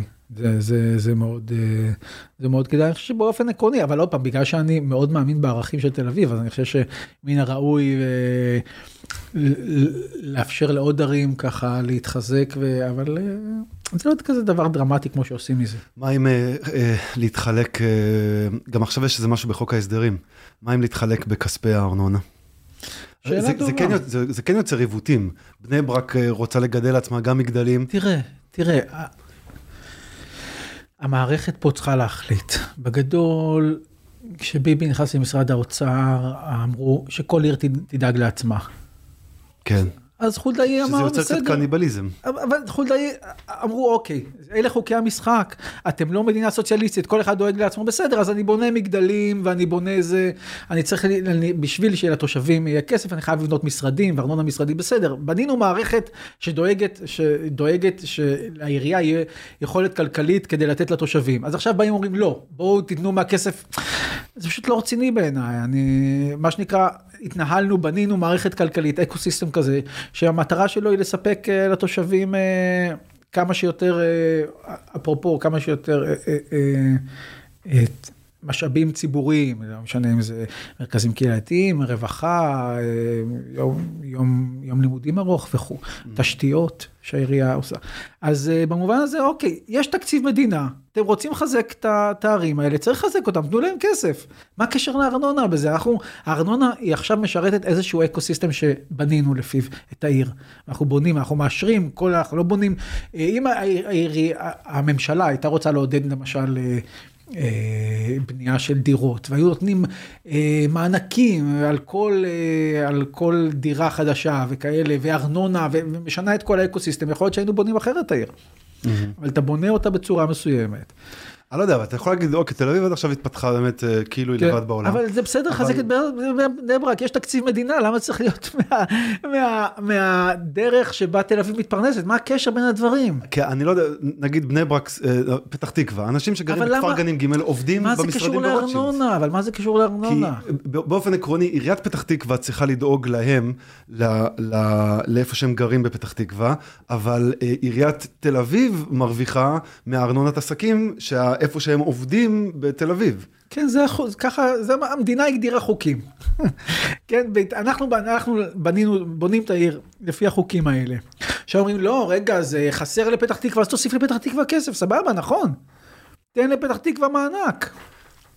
מה אתה עכשיו רוצה, מה, מה אתה, אתה רוצה לשנות uh, עכשיו, אם תשנה, אז יכול להיות שאני אגיד, אוקיי, אתה יודע מה, אז אני, אם אתה משנה לי את הארנונה, אז אני הופך את המגדל הזה, אתה, אתה נותן יותר למגורים, אז אני הופך את המגדל הזה למגורים, ואז תביא כסף על מגורים. אז יגידו, לא, לא, עוד פעם תל אביב לוקחת, לא, אז תיקחו, די, תבנו מערכת. אבל רגע, רשויות מטרופוליניות, כן. תל אביב צריכה גם לתת משהו, הרי תל אביב, תל אביב תקבל משהו מרשויות מטרופוליניות, היא בעיקר תוכל לדאוג לאינטרסים של עצמה במטרופולין. אבל רשות מטרופולין זה בדיוק, זה בדיוק משנה את הדבר הזה, שזה אומר אין אינטרס שלי ושלך. אין אינטרס של תושב תל אביב ותושב גבעתיים. להפך, מה שרשות מטרופולינית עושה זה מאפשרת נסיעה יותר מהירה, לצורך העניין, אם אנחנו לוקחים את האספקט התחבורתי, יותר מהירה של תושב גבעתיים לתל אביב. היא לא עוזרת לתל אביב, היא עוזרת לכל מי שבמטרופולין. נכון. ולכן זה לא עניין תל אביבי. כל מי שייכנס, הוא ירוויח. נכון. זה כמו היורו, היורו לא דואג לכסף של, אה, מד... של, של אה, מדינה אחת, יש, זה הופך מטבע של כולם, אז זה, זה מה שהרשות מטרופולינית עושה, כולנו באותו סל, כולנו נהנה מאותה, מאותו דבר. נכון, אבל תל אביב תמשיך את, את הארנונת עסקים לשמור לעצמה. כן, אבל כי רוצים לשנות מאפס את כל, ה, את כל מבנה, ה, את כל מבנה לא התקצוב של ערים. עוד פעם, אני... לא... לא, אפשר, אבל עכשיו, מה שמוצע בחוק ההסדרים נשמע לא, בעייתי. יש משהו מאוד לא פרי בעיניי בחוק ההסדרים, וזה כי צריך לחזק רשויות אחרות. זה לא נכון בעיניי לעשות את זה על, על מכספי הארנונה. רוצים לשנות מחדש את הארנונה, פה וזה, זה סתם, זה פשוט, אני חושב שזה קפריזה נקודתית. כי מלכתחילה כל העניין הזה של ארנונה עסק, עסקית, מלכתחילה הוא דבר בעייתי, וכל הדבר הזה שתושב גירעוני, תושב הוא דבר אה, כאילו גירעוני, והמדינה לא נותנת כסף, והמדינה לא, יש פה כאילו בכל התקצוב של ערים כל כך הרבה כשלים, לא משנה אם זה מבני ציבור ותשתיות. אתם משיתים כל כך הרבה על הערים, סבבה, אתם רוצים לקחת כסף, סבבה, תנו כסף לתשתיות. מה, אתם לא יכולים גם להגיד, אוקיי, אני לוקח את הארנונה עסקים, אתה נותן לי כסף למובל ניקוז? לא. אז מה? אז מה החוכמה? להסתכל על, אבל תל אביב על תל אביב, תיקחו אחריות כמדינה, תממנו תשתיות, קחו את כל הארנונה, לא צריך את זה, אבל תממנו דברים של הציבור, אתם לא יכולים גם לא לממן, להגיד לו, בתי ספר אם אתה רוצה זה, אז אנחנו נותנים רק חלק, ומתנ"ס אנחנו לא נותנים, וזה, ותשתיות אתה, ושבילי אופניים אתה, והכל אתה, אבל אוי, אבל למה אתה, למה אתה לוקח כל כך הרבה על ארנונה עסקים? אתם מכריחים אותנו. לא, אני, אני, אני לא טוען שצריך לקחת פחות ארנונות עסקים, אני אולי טוען שבמסגרת חשיבה מטרופולינית אולי צריך להתחלק בארנונות עסקים. במסגרת חשיבה, אם צריך לחשוב עם מה המדינה הזאת, אה, אה, איזה אחריות היא לוקחת, ומה, היא צריכה לקבל החלטות, והיא לא, לא יכולה... יש כאן גם עניין של חיזוק הרשויות המקומיות, שהן כרגע מאוד חלשות. נכון. כל הרשויות המקומיות. נכון, כי המשרד, כי משרד התחבורה, ואגב, וגם כשהגיעה מרב מיכאלי, לא משחרר, בסוף השלטון המרכזי לא משחרר, לא משחרר, משאיר אצלו את כל... ה, את כל הכוח. חבל. ומה, ומה מה עכשיו עם אה, איך שהכיוונים שנראה שהמדינה הולכת אליהם, וזה לא, לא, זה לא פתאום משתנה באיזה מאוד רגע. מאוד מטריד, מאוד מטריד, מאוד מאוד מטריד. כאילו מה שזה, גם, זה עלול, אה, יש גם איומים על תל אביב, אתה חושב, מהכיוון הזה? כן, כי... לא ייתנו כסף. זה, זה לא רק ה... אני חושב, אחת הבעיה בשלטון הזה, זה כל הזמן ה... ליבוי השנאה. וכשאתה מלבה שנאה, יש דרכים רבות, חלק מהם יד תל אביבים והשמאלנים. ואז אפשר היה גם לראות את זה עם מירי רגב ועם ההפגנות וכאילו אוקיי לסמן את המרכז כאיזשהו אויב של שאר המדינה במקום להבין שאחים אנחנו כמו שאומרים. ו- ולכן לא צריך לקחת מתל אביב ולא לתת לתל אביב, זה מה שהיא אמרה עם המטרו, אני, אני לא רוצה את המטרו, הפריפריה, את מי המטרו משרת? את מי, מי אמור, את כל מי שעומד בפקקים, את מה עושה באוטובוסים, את רוצה שהוא יגיע, שאת לא רוצה שהוא יגיע בבוקר, זה, זה, זה משהו כזה שלא חייבים לשלוט עם, אה, עם ללבות שנאה, ופה זה הדבר הכי מטריד. ש... שתל אביב היא מייצגת אה, רעיונות שהיום, אה, אה, בוא נגיד, יש להם אופוזיציה, במקום שליברליות ודמוקרטיות ושלל הערכים כאלה, אתה תרצה להשיב. שיהיו בכל המדינה, אז כל הפרוגרסיבים, השנאה לקדמה וזה, מודבקת לתל אביב, ואז, ואז בסוף מדביקים את זה גם למטרו ולכל מיני מקומות אבסורדים כאלה. כן, אבל זה באמת סתם להדביק. סתם. אתה חושב שיש טוענים ש... חולדאי ספציפית ירוויח מהסיפור הזה, כי הוא יוכל להסיט את האש שהוא מקבל על הרבה דברים אחרים, ולהגיד שהוא כן, כן. הראש הליברליות, כן. ישמור על תל אביב. כן, כן. תגיד, אתה מסתכל על ההפגנות עכשיו לאחרונה, כל זה שבאמת מתנהלות על, על כבישים, כי אין מרחבים ציבוריים, נכון. אפילו גם בגלל עבודות תשתית וזה. נכון. זה... זה, זה מטריד, זה באמת, לי זה עושה קונוטציה שבאמת יש אנשים שאומרים שפרויקטים כאלה אפשר לעשות רק בדיקטטורות, כאילו פרויקטים כמו מטרו או תשתיות אפשר לעשות רק בדיקטטורות, כי כאילו באמת אתה לוקח לאנשים מרחב ציבורי, אתה לא שואל אותם, אין להם עכשיו. כן. מה עושים? אה, כל הפגנה שקורית לא במוצאי שבת, שחייבת לסגור כבישים, היא הפגנה לא חוקית, כי אתה סוגר את העיר בשבילה. אין, אין מקום ל... אפילו ל, ל, לחצי, סתם, אבל לא יודע, גם זה מצב חירום מאוד גדול, אז כן, קשה כן. לדעת מה, מה הולך. כן, מסכים איתך. אה, קשה, כן, יש לנו מעט, אה, יש לנו בעיית, בעיית שטחים פתוחים אה, גדולה בעיר. כן. כן. ו, ו, ונגיד העיצוב של כיכר הבימה לא תומך בהפגנות דווקא, הוא, הוא יותר ניסה להיות אסתטי, כמה שהלך לו.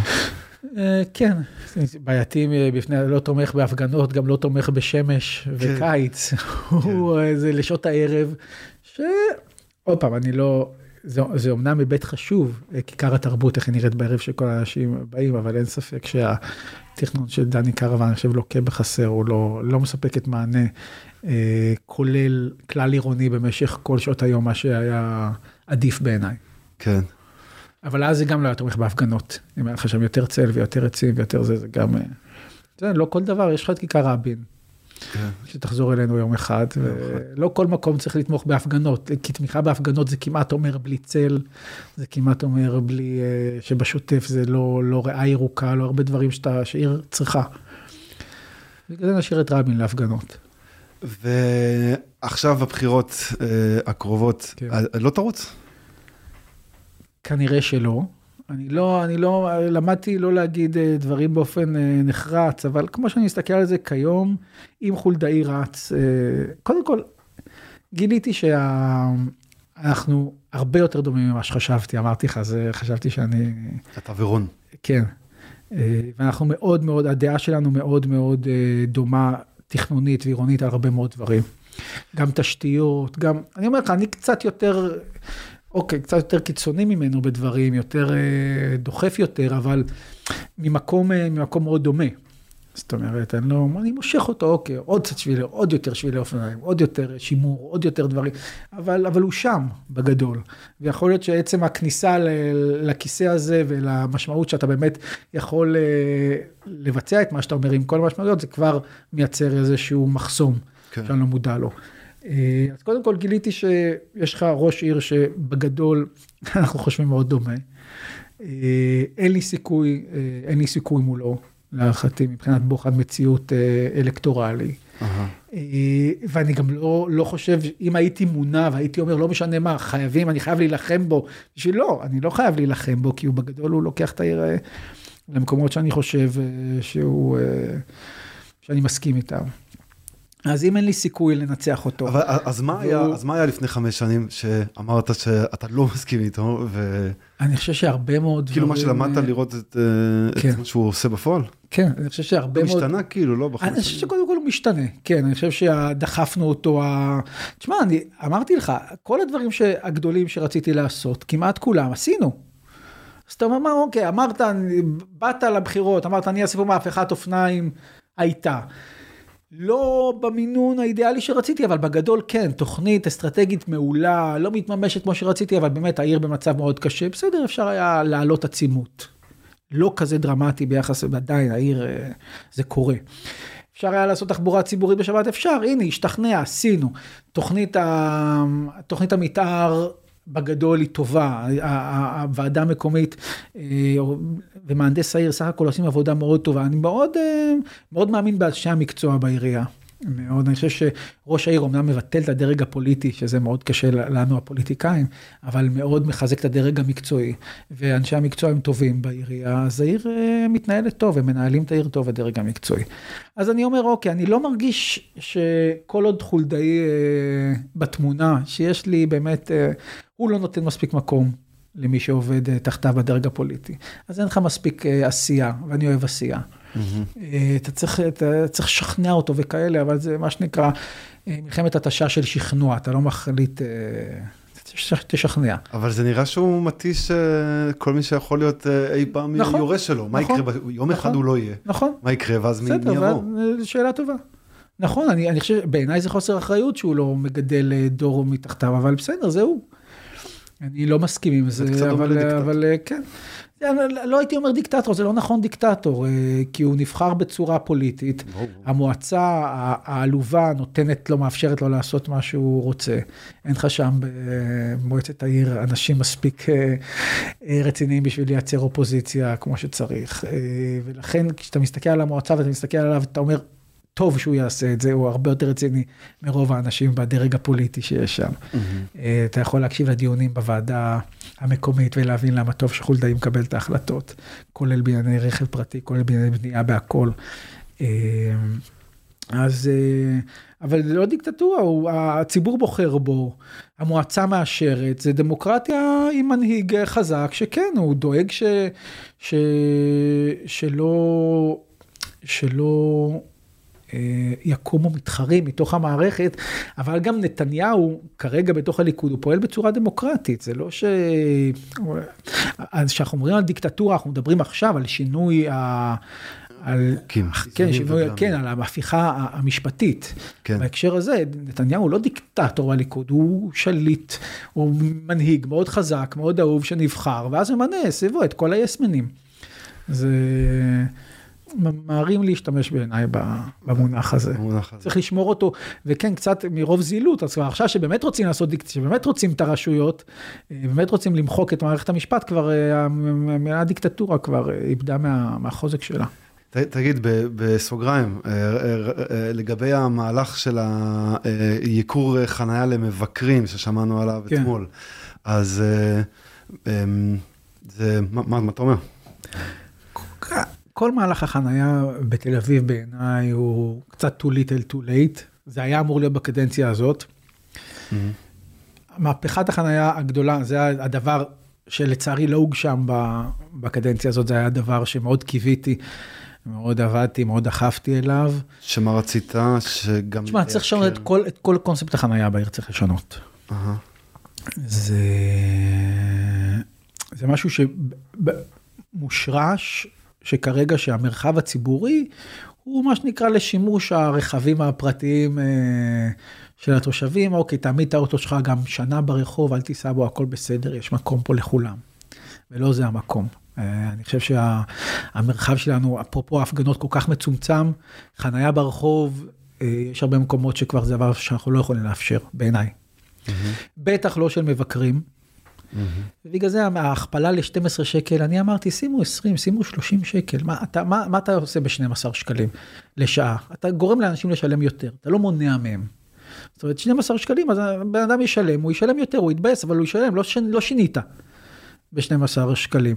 תעשה איזה 30 שקל לשעה, הוא כבר לא יבוא עם האוטו. הוא כבר, או שהוא ייכנס לחניון. מה גם, זהו, ייכנס לחניון. אנשים גם ככה, כ, אמ, כמה מבקרים שאין להם חניה פרטית אה, לשים את האוטו שלהם כבר באים ל, לתל אביב? לא, עדיין באים, עדיין. כאילו, אה, אני חשבתי שנורא נורא קשה למצוא חניה, אני יצא לי לחפש חניה, אין, אין. תלוי מתי ואיפה כאילו, וכאלה. אם אתה אולי גר, אז אתה מכיר את ה... יש לך איזה חניה שאתה מכיר, כן. או משהו כזה, כן. או שאתה מגיע בשעות ספציפיות שאתה יודע שיש, אבל ככה סתם מבקר מגיע, אוקיי. בעיקרון, מבקרים לא אמורים לבוא עם האוטו לתל אביב, זה לא אמור לקרות. או ש... ואם אתם באים, תבואו לחניון, אידיאלית גם היה, ת, תבחר מראש, אה, תזמין מר, מ, מ, מראש מקום בחניון, ואז אתה יודע לאן אתה נוסע, ואם אין מקום שלא. כן. אבל כל השימוש במרחב, אני חושב שצריך לא לאפשר יותר חנייה אה, לטווח רחוק, בכחול לבן, לתושבים. אני, יש לי אפילו מודל אה, בראש שאני, שרציתי ליישם, ליישם בקדנציה הזאת, לא נספיק, אבל אני חושב שכל אוטו צריך לשים פנגו, או סוג של. זאת אומרת, מהרגע שחנית, צריך להתחיל לספור לך, ואחרי, נגיד, 48 שעות, אם אתה לא מזיז את האוטו, אתה צריך להתחיל לשלם. אם אתה תושב, גם עם כולם. זאת אומרת, אני חושב שככה, לא תושבים לא צריכים לחנות בכחול לבן בכלל. כחול לבן, או, או לשלם הרבה מאוד. כחול לבן צריך להיות תושבים, וגם הוא על בסיס 48 שעות. אתה, אין לך מקום חנייה, או ש... ואתה, אז, אז סבבה, אז תשתמש באוטו, אתה לא משתמש באוטו, שים אותו בחניון אה, בכניסה לעיר, מחוץ לעיר, לטווח רחוק. אי אפשר כחול לבן, אה, שמכוניות עומדות, אנשים משתמשים באוטו בסוף שבוע. אין לנו את המקום הזה. חבל, חבל על אלא אם יש לך שהרחוב... חניה פרטית. אם יש לך חניה פרטית, בסדר, עניינך. אבל חבל שהרחוב שלנו בסוף הוא כמו שאומרת חניה לפחיות, חבל, עומדים שם אה, אוטו שאנשים משתמשים בו כמה, פעם בכמה ימים, תופס מקום שהיה יכול להיות מדרכה רחבה, היה יכול להיות שביל אופניים, היה יכול להיות סתם מקום לעצים, חבל. מה עם הסדרה של אה, תווי החניה? תביא אותו דבר, זה שמאפשרים למה לא לאנשים, הגעתם לזה? יש רפורמה מוכנה על המדף. כן? אני חושב שחולדאי בתחילת הקדנציה חשב שזה הקדנציה האחרונה שלו, ואז זה היה כיף גדול, עשינו תוכנית האופניים, עשינו תוכנית החנייה, והיה היה, מה שנקרא, הוא היה, ובאמת זה היה, היה כיף גדול, כי אמרת, הנה, וואלה, אני עובד עם ראש עיר שלו, דופק חשבון, עושה כל מה שצריך, והולכת להיות רפורמה בחנייה וזה.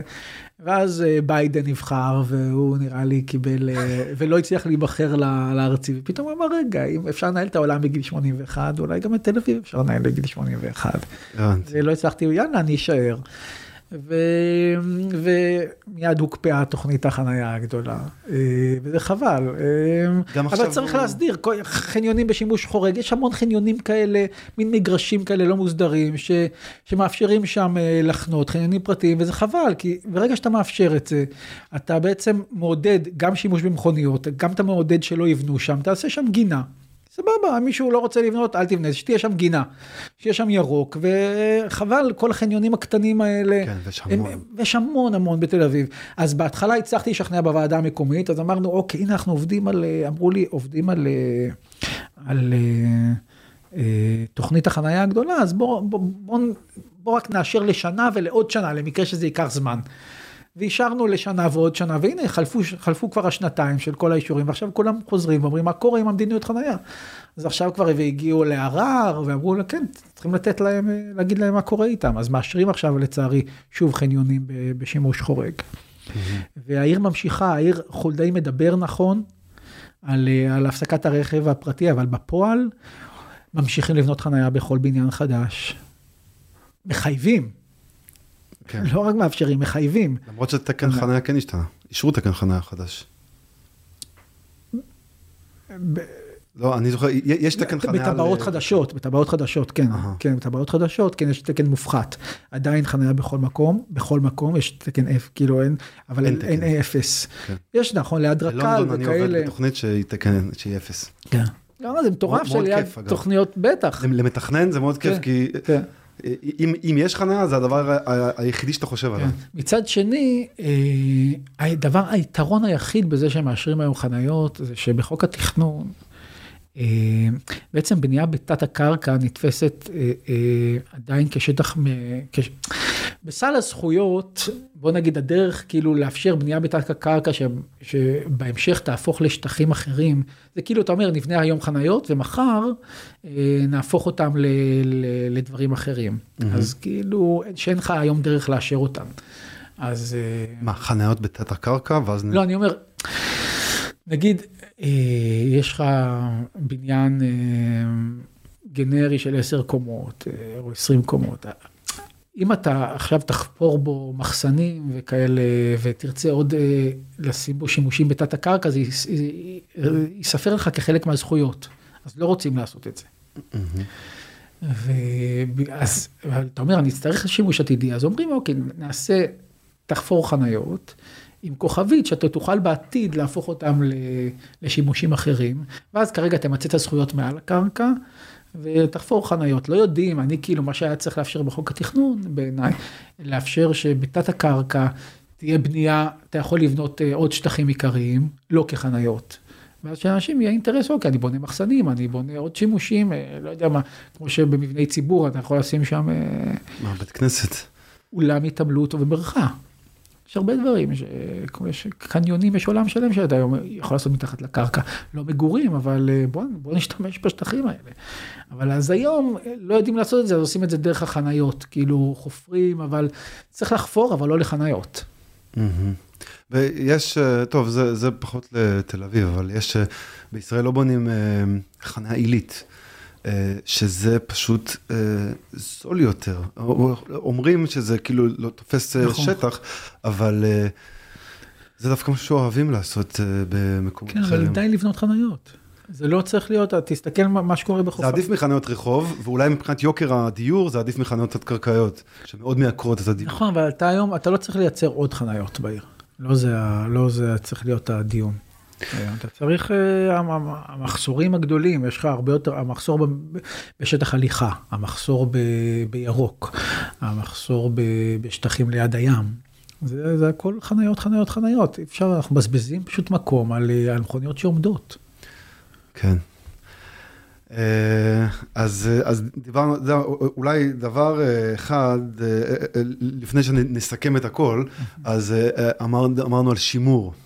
שימור מהרבה בחינות הוא, הוא קצת אה, נכון. מתנגש ברוב נכון. הדברים שאנחנו מדברים עליהם. נכון. Uh, האקלים משתנה ולשימור זה לא אכפת, וה, והעיר משתנה. Uh, והאמת היא שהשימור בתל אביב uh, קצת בשנים האחרונות רואים הרבה דברים ממש uh, פחלוצים. של אה, דברים שהם לא ריאליים, כאילו כן, זה, אתה אפילו שואל מה, את מה אנחנו משמרים פה, אנחנו משמרים, זה בשביל הסבתא שתגיד שהיא עדיין רואה את ה... כאילו, כי מה בכלל משתמר? האמת שאני עשיתי קורס מאוד מעניין של אה, פרופסור יהודי שמאוד אוהב את תל אביב ספציפית על, אה, על שימור, והוא כאילו דיבר, כאילו, השאלה היא מה, מה אתה משמר נכון. בעיר, זה לאו דווקא את הבניין, אתה יכול לשמר מבטים, או שאתה יכול לשמר... אווירה, אתה יכול לשמר אוכלוסייה. נכון. אה, אז, אז איך השימור נכנס פה עם כל השינויים שהעיר עוברת? א', אתה באמת מתייחס ל... לפקטור שהוא אה, מרכזי, הוא מתנגש, אבל הוא הכרחי. אה, בסוף אתה שואל את עצמך, אפרופו מודיעין, שבתחילת השיחה, מה, מה סוד הקסם של מקומות? מה מייצר אופי? מה מייצר DNA? וכמו שאמרנו, אה, הצמיחה, ההיסטוריה של המקום, איך הוא צמח, מה, השכבות ההיסטוריות שלו, הם, אה, הם בסופו של דבר מה שיוצר את ה... האם אתה יכול, אם היו מוחקים היום את תל אביב ובונים אותה במקום אחר, האם היא הייתה עם אותו קסם? לא, זה היה מקום אחר, vibe אחר. ולכן אתה אומר, אוקיי, אני, אתה שוזר חלק, אתה אומר, חלק מאיך שהיא נבנתה וממי שהיא זה חלק ממה שהיא, מהקסם התל אביבי. וכשאתה מסתכל באמת, כשאתה הולך במקומות כמו הגוש הגדול, באזור שדה טוב, שם אתה אומר, קשה. הייתי מצלם את זה, אתה יודע איפה זה, אם זה ראשון, זה מודיעין, זה פתח תקווה, זה כל מקום. למה זה כל מקום? כי זה, כי אין בזה את ה-DNA, אין בזה את הדבר התל אביבי הזה, אין בזה שזה יכול להיות קו בניין, המסחר, הרוחב, הפרופורציות. ולכן אתה צריך להבין שאם אתה אוהב את תל אביב, אתה חייב לשמר גם חלק מההיסטוריה שלה. ולכן השימור בעיניי הוא הכרחי בתל אביב. אני למדתי אדריכלות ואני מאוד אוהב שימור, אבל אני אומר, קודם כל הוא, הוא הכרחי בכל עיר, בלי, עוד לפני שנכנסים לספציפיות של תל אביב, הוא הכרחי כי יש פה, בנו נורא נורא טוב פעם, נורא יפה, נורא נכון, פרופורציות מעולות, וצריך... דווקא תל אביב, בתור, אתה יודע, לא עיר אירופאית שיש בה בנייני אבן מהמאה ה-17, בנו מלבנים ובוץ חלק מהדברים. אני חושב שהסגנון הבינלאומי... נווה צדק זה מבני אבן. אני חושב שהסגנון הבינלאומי של העיר הלבנה הוא מהמם. אין עוד עיר כזאת בעולם. יש את גדיניה בפולין שיש בה קצת, ויש עוד פה ושם, אבל אה, אה, זה באמת לא סתם הכרזת אונסקו, זה יש פה מקבץ באו-האוס חד פעמי. אני חולה על הסגנון הזה, בעיניי אה, הבאו-האוס זה ה... זה בניינים שמרגשים אותי, כל בניין באוהאוס מוצלח. זה בעיניי, יש בו משהו בשילוב של, המ, של המודרניזם, הפרופורציות האלה והדגשים, סגנון מופלא בעיניי, אני חולה עליו, ואני חושב שזה נכס של תל אביב, ולכן צריך לשמר אותו. כעיקרון. עכשיו, בנו, בנו מודל שאומר, אוקיי, שימור מחמיר, שימור uh, ב', uh, עם תוספת, בלי תוספת. אני חושב שבגדול תוכנית השימור היא טובה. אה, שאומרים גם כמה סגנון אקלקטי כזה, קלאסי, לפני ה... עוד לפני הסגנון הבינלאומי, גם משמרים קצת. אה, וזה הכרחי. עכשיו צריך להבין איך, פשוט הפרוצדורה של תוכנית השימור כרגע היא נורא מסובכת, היא דרך התוכנית, אה, תוכנית השימור 2650ב, דרך הוועדה המחוזית, כל דבר עם ניוד זכויות נורא נורא מסובך. Mm-hmm.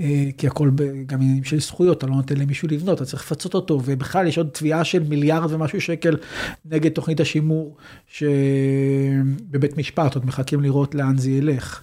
אה, האם תוכנית השימור פגעה או לא פגעה. בזכות קניין. כן, יש הרבה, הרבה, הרבה מאוד תביעות, אה, והעירייה בהולד. כדי לחכות מה קורה עם ה... אגב, הניוד זכויות זה לא עוד משהו שגם דיברנו עליו קודם, שבעצם אתה, במקום לצופף את הגרעין, שהצפיפות אה, תרד מהגרעין ברדיוס החוצה, זה כאילו אתה משמר בגרעין, ואז אתה מנהל זכויות החוצה, ואתה בעצם יוצר כאילו, כאילו את הצפיפות החוצה. כן, אבל אני אומר, בעיר ההיסטורית, בעיר ה... ב, ב, יש, לך, יש לך כמה בניינים, שאתה אומר, אוקיי, אני, זה ה... אני רוצה שיישאר ככה. לא הרבה, אבל יש לך איזה כמה מאות בניינים, ביחס לעיר זה כלום. שאתה אומר, אוקיי, אני רוצה שיישאר ככה, רגע, הנה הפרופורציות, שהנה, אה, שתי קומות, שלוש קומות, זה המקור, זה, זה, זה, יצירות, אה, זה יצירות אומנות, זה, זה חלק מההיסטוריה שלנו. בוא נשאיר, לא, לא רוב, רוב העיר, אה, הרוב הגדול של, של הבתים בעיר, גם בעיר הלבנה זה יהיה אפשר לבנות עליהם, תוספת, תופסת... תוס... אבל מילא היינו משמרים, תופסת. אבל לפעמים חלק זה פשוט אה, מפחלצים כאילו בניין, לפעמים עכשיו לאחרונה יש איזה טרנד שרואים בניינים שהם כלואים בתוך בניין זכוכית. לא, לא, זה, זה, זה הטעות היסטורית, זה לא יהיה הפחלוץ, זה נגמר, זה לא, לא היה, זה הטעות של פעם, הדבר הזה בתוך, כן, נכון, זה לא צריך להיות פחלוצים. אה, בגלל זה המסה הגדולה של העיר זה עם תוספות בנייה. שימור, מה, מה שנקרא, תוסיף, בניין יפה, תוסיף עליו שתיים, שלוש קומות, באותה אווירה, אווירה שונה, תלוי בך, תלוי במחלקת שימור, דיאלוג, זה המסה הגדולה. יש לך מקרים, אה, כמה מקרים של כמה, של הקרם דה לה קרם של האיכויות האדריכליות הכי, בניינים שיש להם ממש חשיבות עולמית בהיסטוריה של הבאו-האוס, בואו נשמר אותם כמו שהם ולא נוסיף עליהם. בשביל לא לפגוע בקניין שלך, אז קח את הזכויות שלך וקח אותם במקום אחר, זה כל הניוד, אה, ניוד זכויות, ותוסיף אותם, איפה תוסיף אותם? כן, איפה אפשר להוסיף? במגדלים, במקומות כאלה. שזה כן. בסדר, זו החלטה נכונה, אתה, אתה גם משמר את, ה, אתה משמר את, ה, את היחידים שלא לגעת בהם, האחרים אתה כן משמר אבל מוסיף. מחזק את המער ולשם בונה בנייה יותר רוויה, זה בסדר, תוכנית טובה. אנחנו אה, דיברנו על הנושא הזה ב... אה, גם בפודקאסט, בתל אביב נראה שהתוכנית לשימור והבאו, ההכרזה על העיר הלבנה וכל זה, כל זה היה קצת כתגובה לתוכניות הענקיות שהיו בשנות ה-80 להרס של תל אביב, בשביל בעצם לבנות את נתיבי איילון על כל תל אביב, מה שפעם היה תוכנית. במיוחד ככה התעוררו לגבי נווה צדק, כי את נווה צדק תכננו לשים עליו הייווי, okay. כן. ואז uh, התעוררו לזה. שיכול להיות שמבחינת הרגע ההיסטורי הזה כבר עברנו. Uh, תל אביב ניצלה. ועכשיו אה, צריך אה, לחשוב יותר לא, על... אבל זה עניין תרבותי, אתה רוצה את המבני באו-האוס האלה. לא- כן, זה נכון, אני פעם הסתכלתי שבתל אביב, אגב, גם בירושלים אה, סובלת בזה, אבל נגיד, ירושלים פה שימור אחרות לגמרי. יש הרבה, אה, ביחס יש הרבה מבנים לשימור, הרבה יותר מבנים לשימור, למשל, מתוכנית השימור של אה, לונדון, עיר אה, גם עם היסטוריה מכובדת. שיש יש, יש שם שני קריטריונים לשימור, כאילו grade 1 ו grade 2, ו grade 2 די, שזה שימור מחמיר, מה שנקרא, די נדיר. אה, מבני ציבור מאוד מפוארים או דברים כאלה, לא, אבל גם, אבל שימור מחמיר בתל אביב יש לך מאוד מעט. כן, כל תוכנית השימור, כמה בניינים יש בכל תוכנית השימור? בכל הדרגות. אתה יודע? כמה אלפים, לא? אלף. מהמם. שימור מחמיר יש לך, לפי דעתי, באזור ה-200-300. מה, בכל תל אביב. אז אה, בסדר, אז אה, תפרוס על פני, על פני, על פני זה, זה כלום. אני חושב שבכל לונדון, עיר שהיא כן. בערך פי עשר מתל אביב, יש משהו כמו אלפיים. זאת אומרת, יש להם פחות.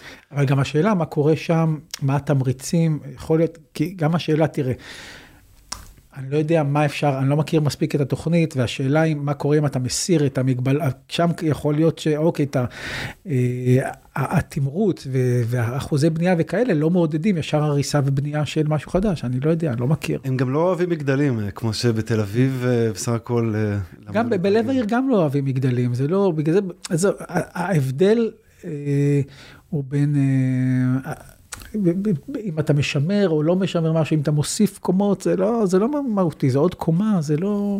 נכון, לא, אני מסכים, לא- להוסיף עוד. קומות, ויש דוגמאות יפות. אה, ואני חושב שהשימור, אתה הולך, תסתכל, אה, שנקין כמעט כולו התחדש עכשיו, אתה הולך ברחבי העיר, תשמע, זה ה-DNA התל אביבי, זה זה מקסים. אבל אתה הולך בהרצל קרוב לשם, לאיפה שהוא פוגש את, אה, את רוטשילד, ואתה רואה את ה... שם פכלוס של באו-האוס שהפך להיות מין סניף גדול של בנק, ואתה אומר כאילו, את מה זה משמר פה? אה, זה קצת נכון. דיסניפיקציה. כן, של- אבל אלה, אני חושב שאלה, אני מסכים איתך שיש מק- יש מקומות שהשימור פחות מצליח, אבל הם, אה, זה מקומות בודדים, המסה הגדולה של הרחוב התל אביבי. אתה רואה בו בניין לשימור, והוא נראה כיפי והוא יפה, ויש עץ בכניסה, כמו שהקו בניין וכל הדבר הזה של האיכויות של בניין באו-האוס, העיר מלאה בהם, וזה בנייה נפלאה. ומדי פעם יש לך איזה, כן, איזה פוחלץ ש- ליד מגדל, אבל גם את ההוא שליד פארק המסילה שבזכוכית, אנחנו מוציאים מהזכוכית, אה, כן? ויש שם מעבר, כן, כן, כן. מאושר כבר, וטעויות שלא יחזרו, כן, נעשו טעויות, אבל מתקנים אותם. ואסור, אסור לוותר על השימור. לפי תחבורה פה, במובן הזה, הוא מפספס, אה, מפספס את ההבנה אני לא חושב שפי תחבורה הוא נגד שימור, אתה יודע, כזה פי תחבורה, הנביאה שלו זה ג'יין ג'ייקובס, ג'יין כן. ג'ייקובס דיברה על שעיר טובה זה עיר שיש בה בניינים מתקופות שונות, נכון? ושכאילו הגיוון ואיכשהו עוזר נכון. לעירוניות, זה נכון. נכון, אני... אני גם, אה, אני, אני חושב שלא יהיה על זה ערעור בפי תחבורה, אני חושב אבל שאפשר להיות קצת יותר אה, פרקטי. אבל אנחנו מאוד פרקטיים, זה מה שאני אומר, זה, השימור המחמיר הוא נקודתי, הוא מעט מאוד. רוב השימור שיש בעיר, תשמע, בפלורנטין למשל, אל כל פלורנטין עשינו אה, שימור חזיתות. אתה אומר, אוקיי, אתה יודע מה, עזבו אותי עכשיו מה קורה מה, בתוך הבניין.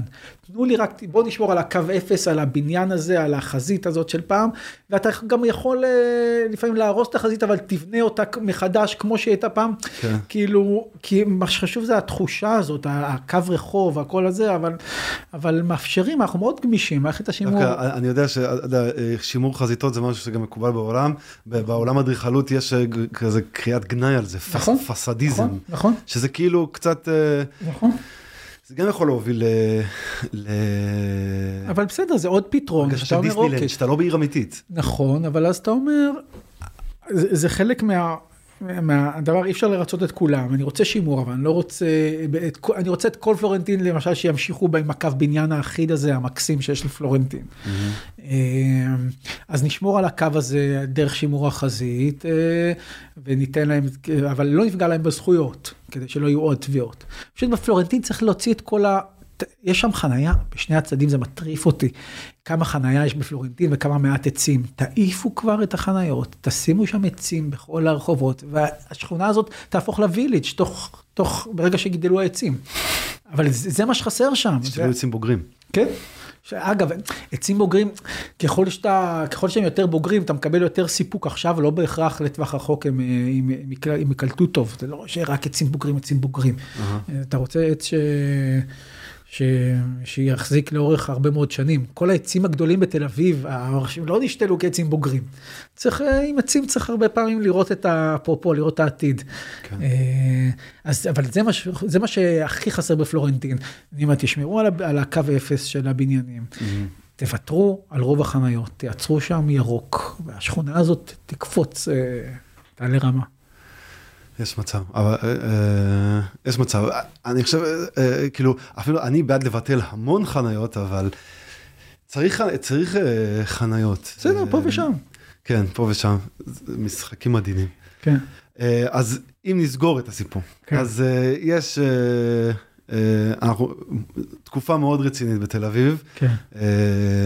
אגב, אני, אני לא יודע אם 3700 רוויה מספיק.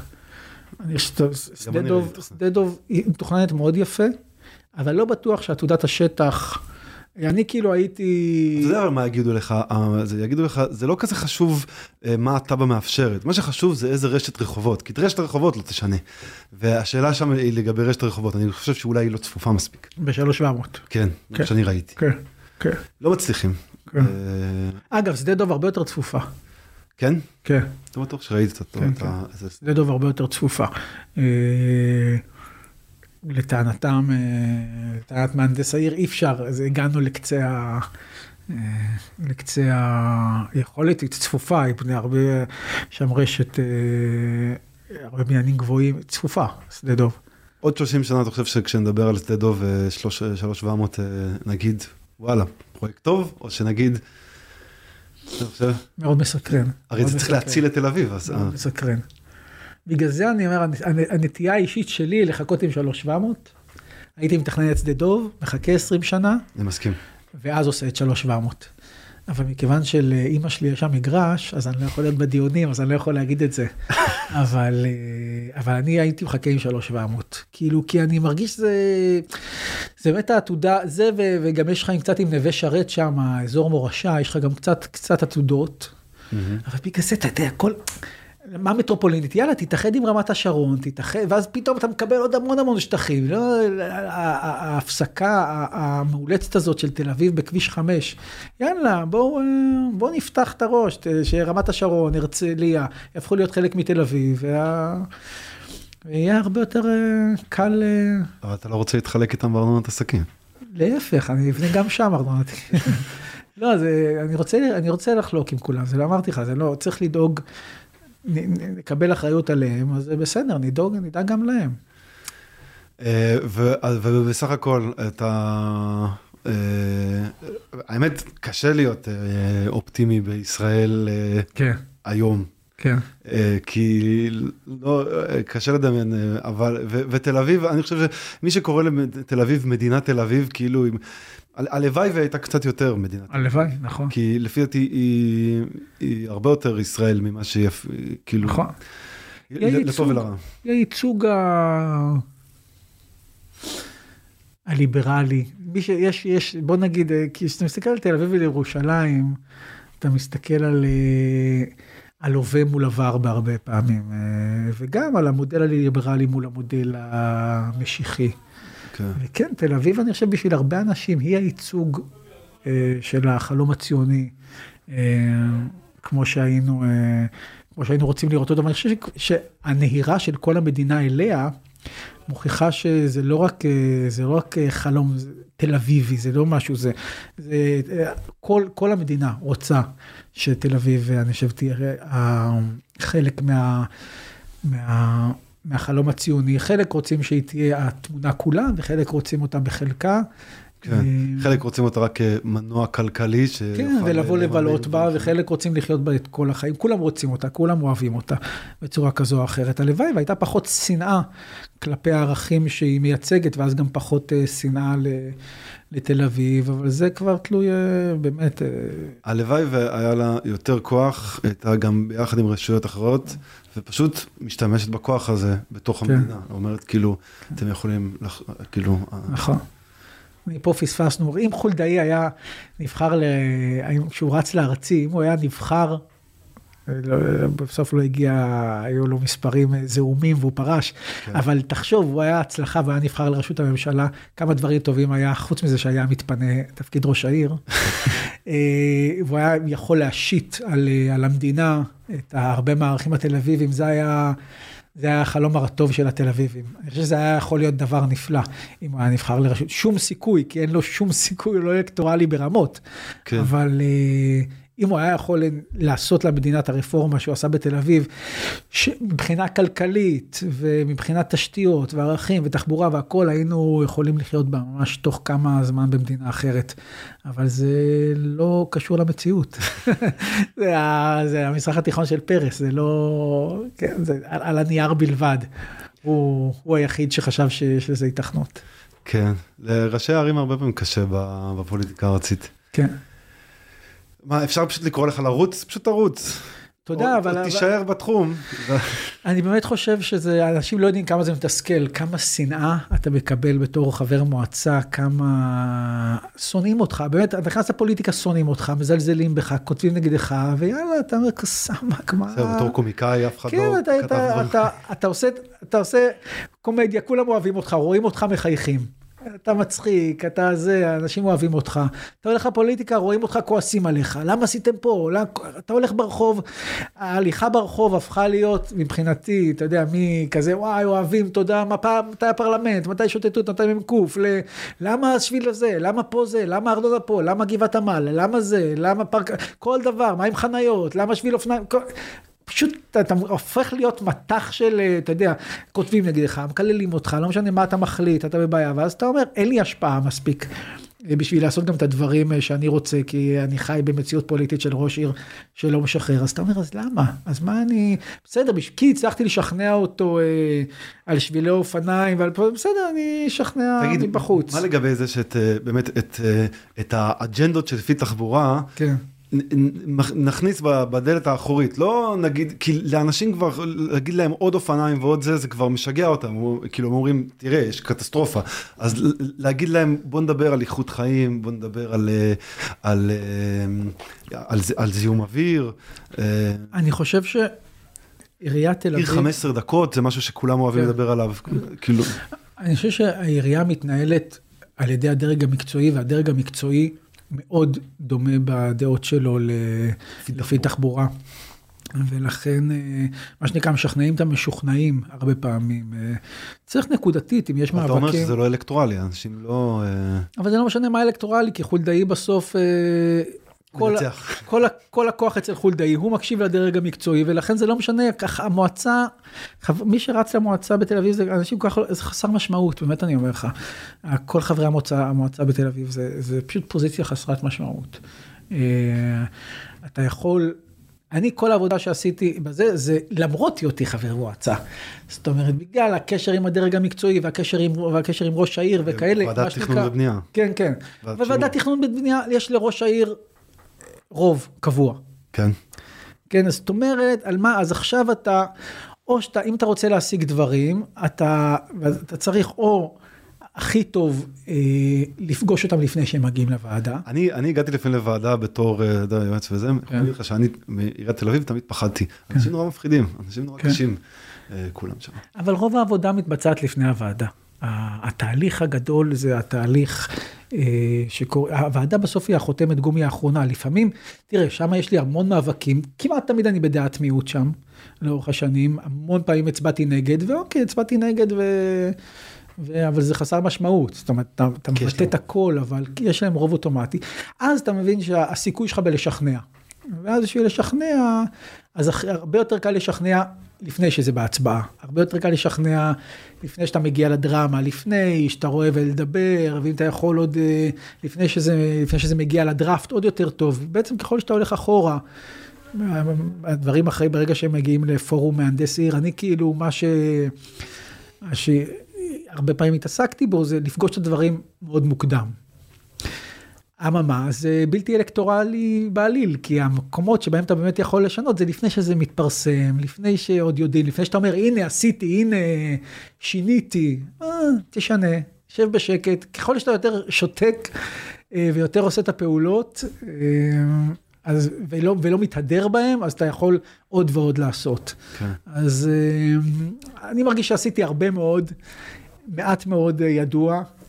לפי תחבורה קצת, הם היחידים שמקשיבים לוועדה המקומית, ולכן עוד, אה, אתה יודע, את כל מה שקורה בוועדה, אז יש שם באמת מעטים ש... אתה אומר פי תחבורה משפיע על הדרג המקצועי, או סליחה, כן. לא, לא משפיע, יש הלימה בערכים, כן. אבל באמת, אנחנו, בגלל זה אנחנו רוצים אותך. אין, אין מספיק קשב אצל פוליטיקאים. אנחנו רואים פוליטיקאים אחרים בעיריית תל אביב, כן. הם אומרים דברים הזויים לפעמים. נכון, אבל אין שום משמעות, מחזיקה תיק- תיק התחבורה, אין שום משמעות למה שהיא אומרת. עזוב, זה סתם, זה לא... כן. הפוליטיקאים זה פרזנטורים. כן, אז אנחנו צריכים ראש עיר. בסדר, אבל יש לך ראש עיר שבגדול מקשיב לדרג המקצועי, שבגדול עושה את, את, מה, ש, את מה שאתם מאמינים בו, בגדול. יש גם סכנה לתל אביב, כאילו, יש... אה, אנחנו- מישהו יהיה אחרי רון חולדאי. נכון. אנחנו לא יודעים מי זה יהיה. נכון. אה, והדבר המפחיד, שמי, שמי שיבוא אחריו ויגיד, הנה, אני כבר לא שביל לאופניים, הוא קודם כל יר- ירצה להראות שהוא שונה. כן. כן, עמוס שפירא ושות', הנה, אני נותן לכם, אני עושה. זה הבעיה, שהריאקציה... אה, בוא נגיד ככה, אם, אם חולדאי, ביום שהוא לא ירוץ, אז אני אשקול ברצינות... אה, לא יודע מה יהיה מצבי האלקטורלי ומה אם יהיה לי סיכוי וכאלה, אבל, אה, אבל אז, אז באמת יהיה צריך. מול אה, עמוס שפירא כרגע זה לא משהו רציני, לא צריך... כן, אני לא יודע, אתה חושב. שאין סיכוי אפילו להפתעות עכשיו בבחירות לא, הקרובות? תראה, אם ציפי לבני תחליט שהיא רצה, היא אופציה רצינית. היא תמיד הייתה שם, כאילו. אבל היא לא מחליטה, היא כל הזמן אומרים עליה, אם ציפי לבני, אומרים ב-15 שנה האחרונה על כל דבר, אם ציפי לבני. דיברו גם על אה, סתיו שפיר, אבל... לא, סתיו היא לא... היא לא איום. אה, ציפי לבני איום, אבל אני לא יודע מה עמדותיה על אה, עירוניות ולא יודע. שזה גם מלחיץ. כן. אני בגדול, מה שנקרא, יצאתי למלחמה בו, אגב, גם לא כזה מלחמה בו, גם תראה את, ה, את, ה, המונולוגים שלי על חולדאי, הם, הם. בסוף אה, הם, הם גם מהולים בהערכה כלפיו. אז אה, זה בסדר, אנחנו נחכה ליום שאחרי. אני הייתי שמח לראות אה, אישה, באמת. אני, לאו דווקא ציפי לבני. כן. מישהי יותר צעירה אולי, מישהי יותר שמחוברת לעירונים. יכול להיות, אני, אותי מעניינים באמת הערכים, גבר, אישה, ברור שלכאורה, אבל עדיף גבר עם ערכים נכונים מאישה עם הערכים הלא נכונים. זאת אומרת, נכון, זה לא, לא... אבל יש- יש משהו בניהול כן. נשי, וזה לא סתם שיש הרבה מאוד ערים אגב, בשנים ב- האחרונות. ב- עם- בעירייה יש לך, ב- ב- ב- בפרקטיקה של הניהול השוטף של העירייה, יש לך הרבה מאוד נשים. הרבה מאוד. אה, זה... מס- מספיק ש... אגב, אתה יכול גם מנכ"לית, זה גם, אה, גם תפקיד מאוד חזק בעיר. אה, אבל אה, כן, זה... יש משהו מאוד גברי ב... ב- בניהול הנוכחי. הניהול הנוכחי. כן. ו- כן. ובדיוק בגלל זה. נכון. טוב, טוב. יאללה, שסיימנו. סבבה. סגרתי. תודה רבה שוב פעם אחת האחרונה לאסף הראל שהסכים להגיע אה, לשיחה הזאת ולדבר על הדברים אה, ו- ולפרוס את אה, משנתו. תודה רבה שוב לראם שרמן והחבר'ה של גיקונומי על העזרה עם האולפן, אחלה אולפן, תודה רבה. תודה רבה כמובן להונגה על העיצוב, לאיתמר קלוגר, דיג'ל טרומפלדוב, להקת שטלייטס. על אה, הסאונד המעולה, ועד הפעם הבאה, שיהיה בכיף.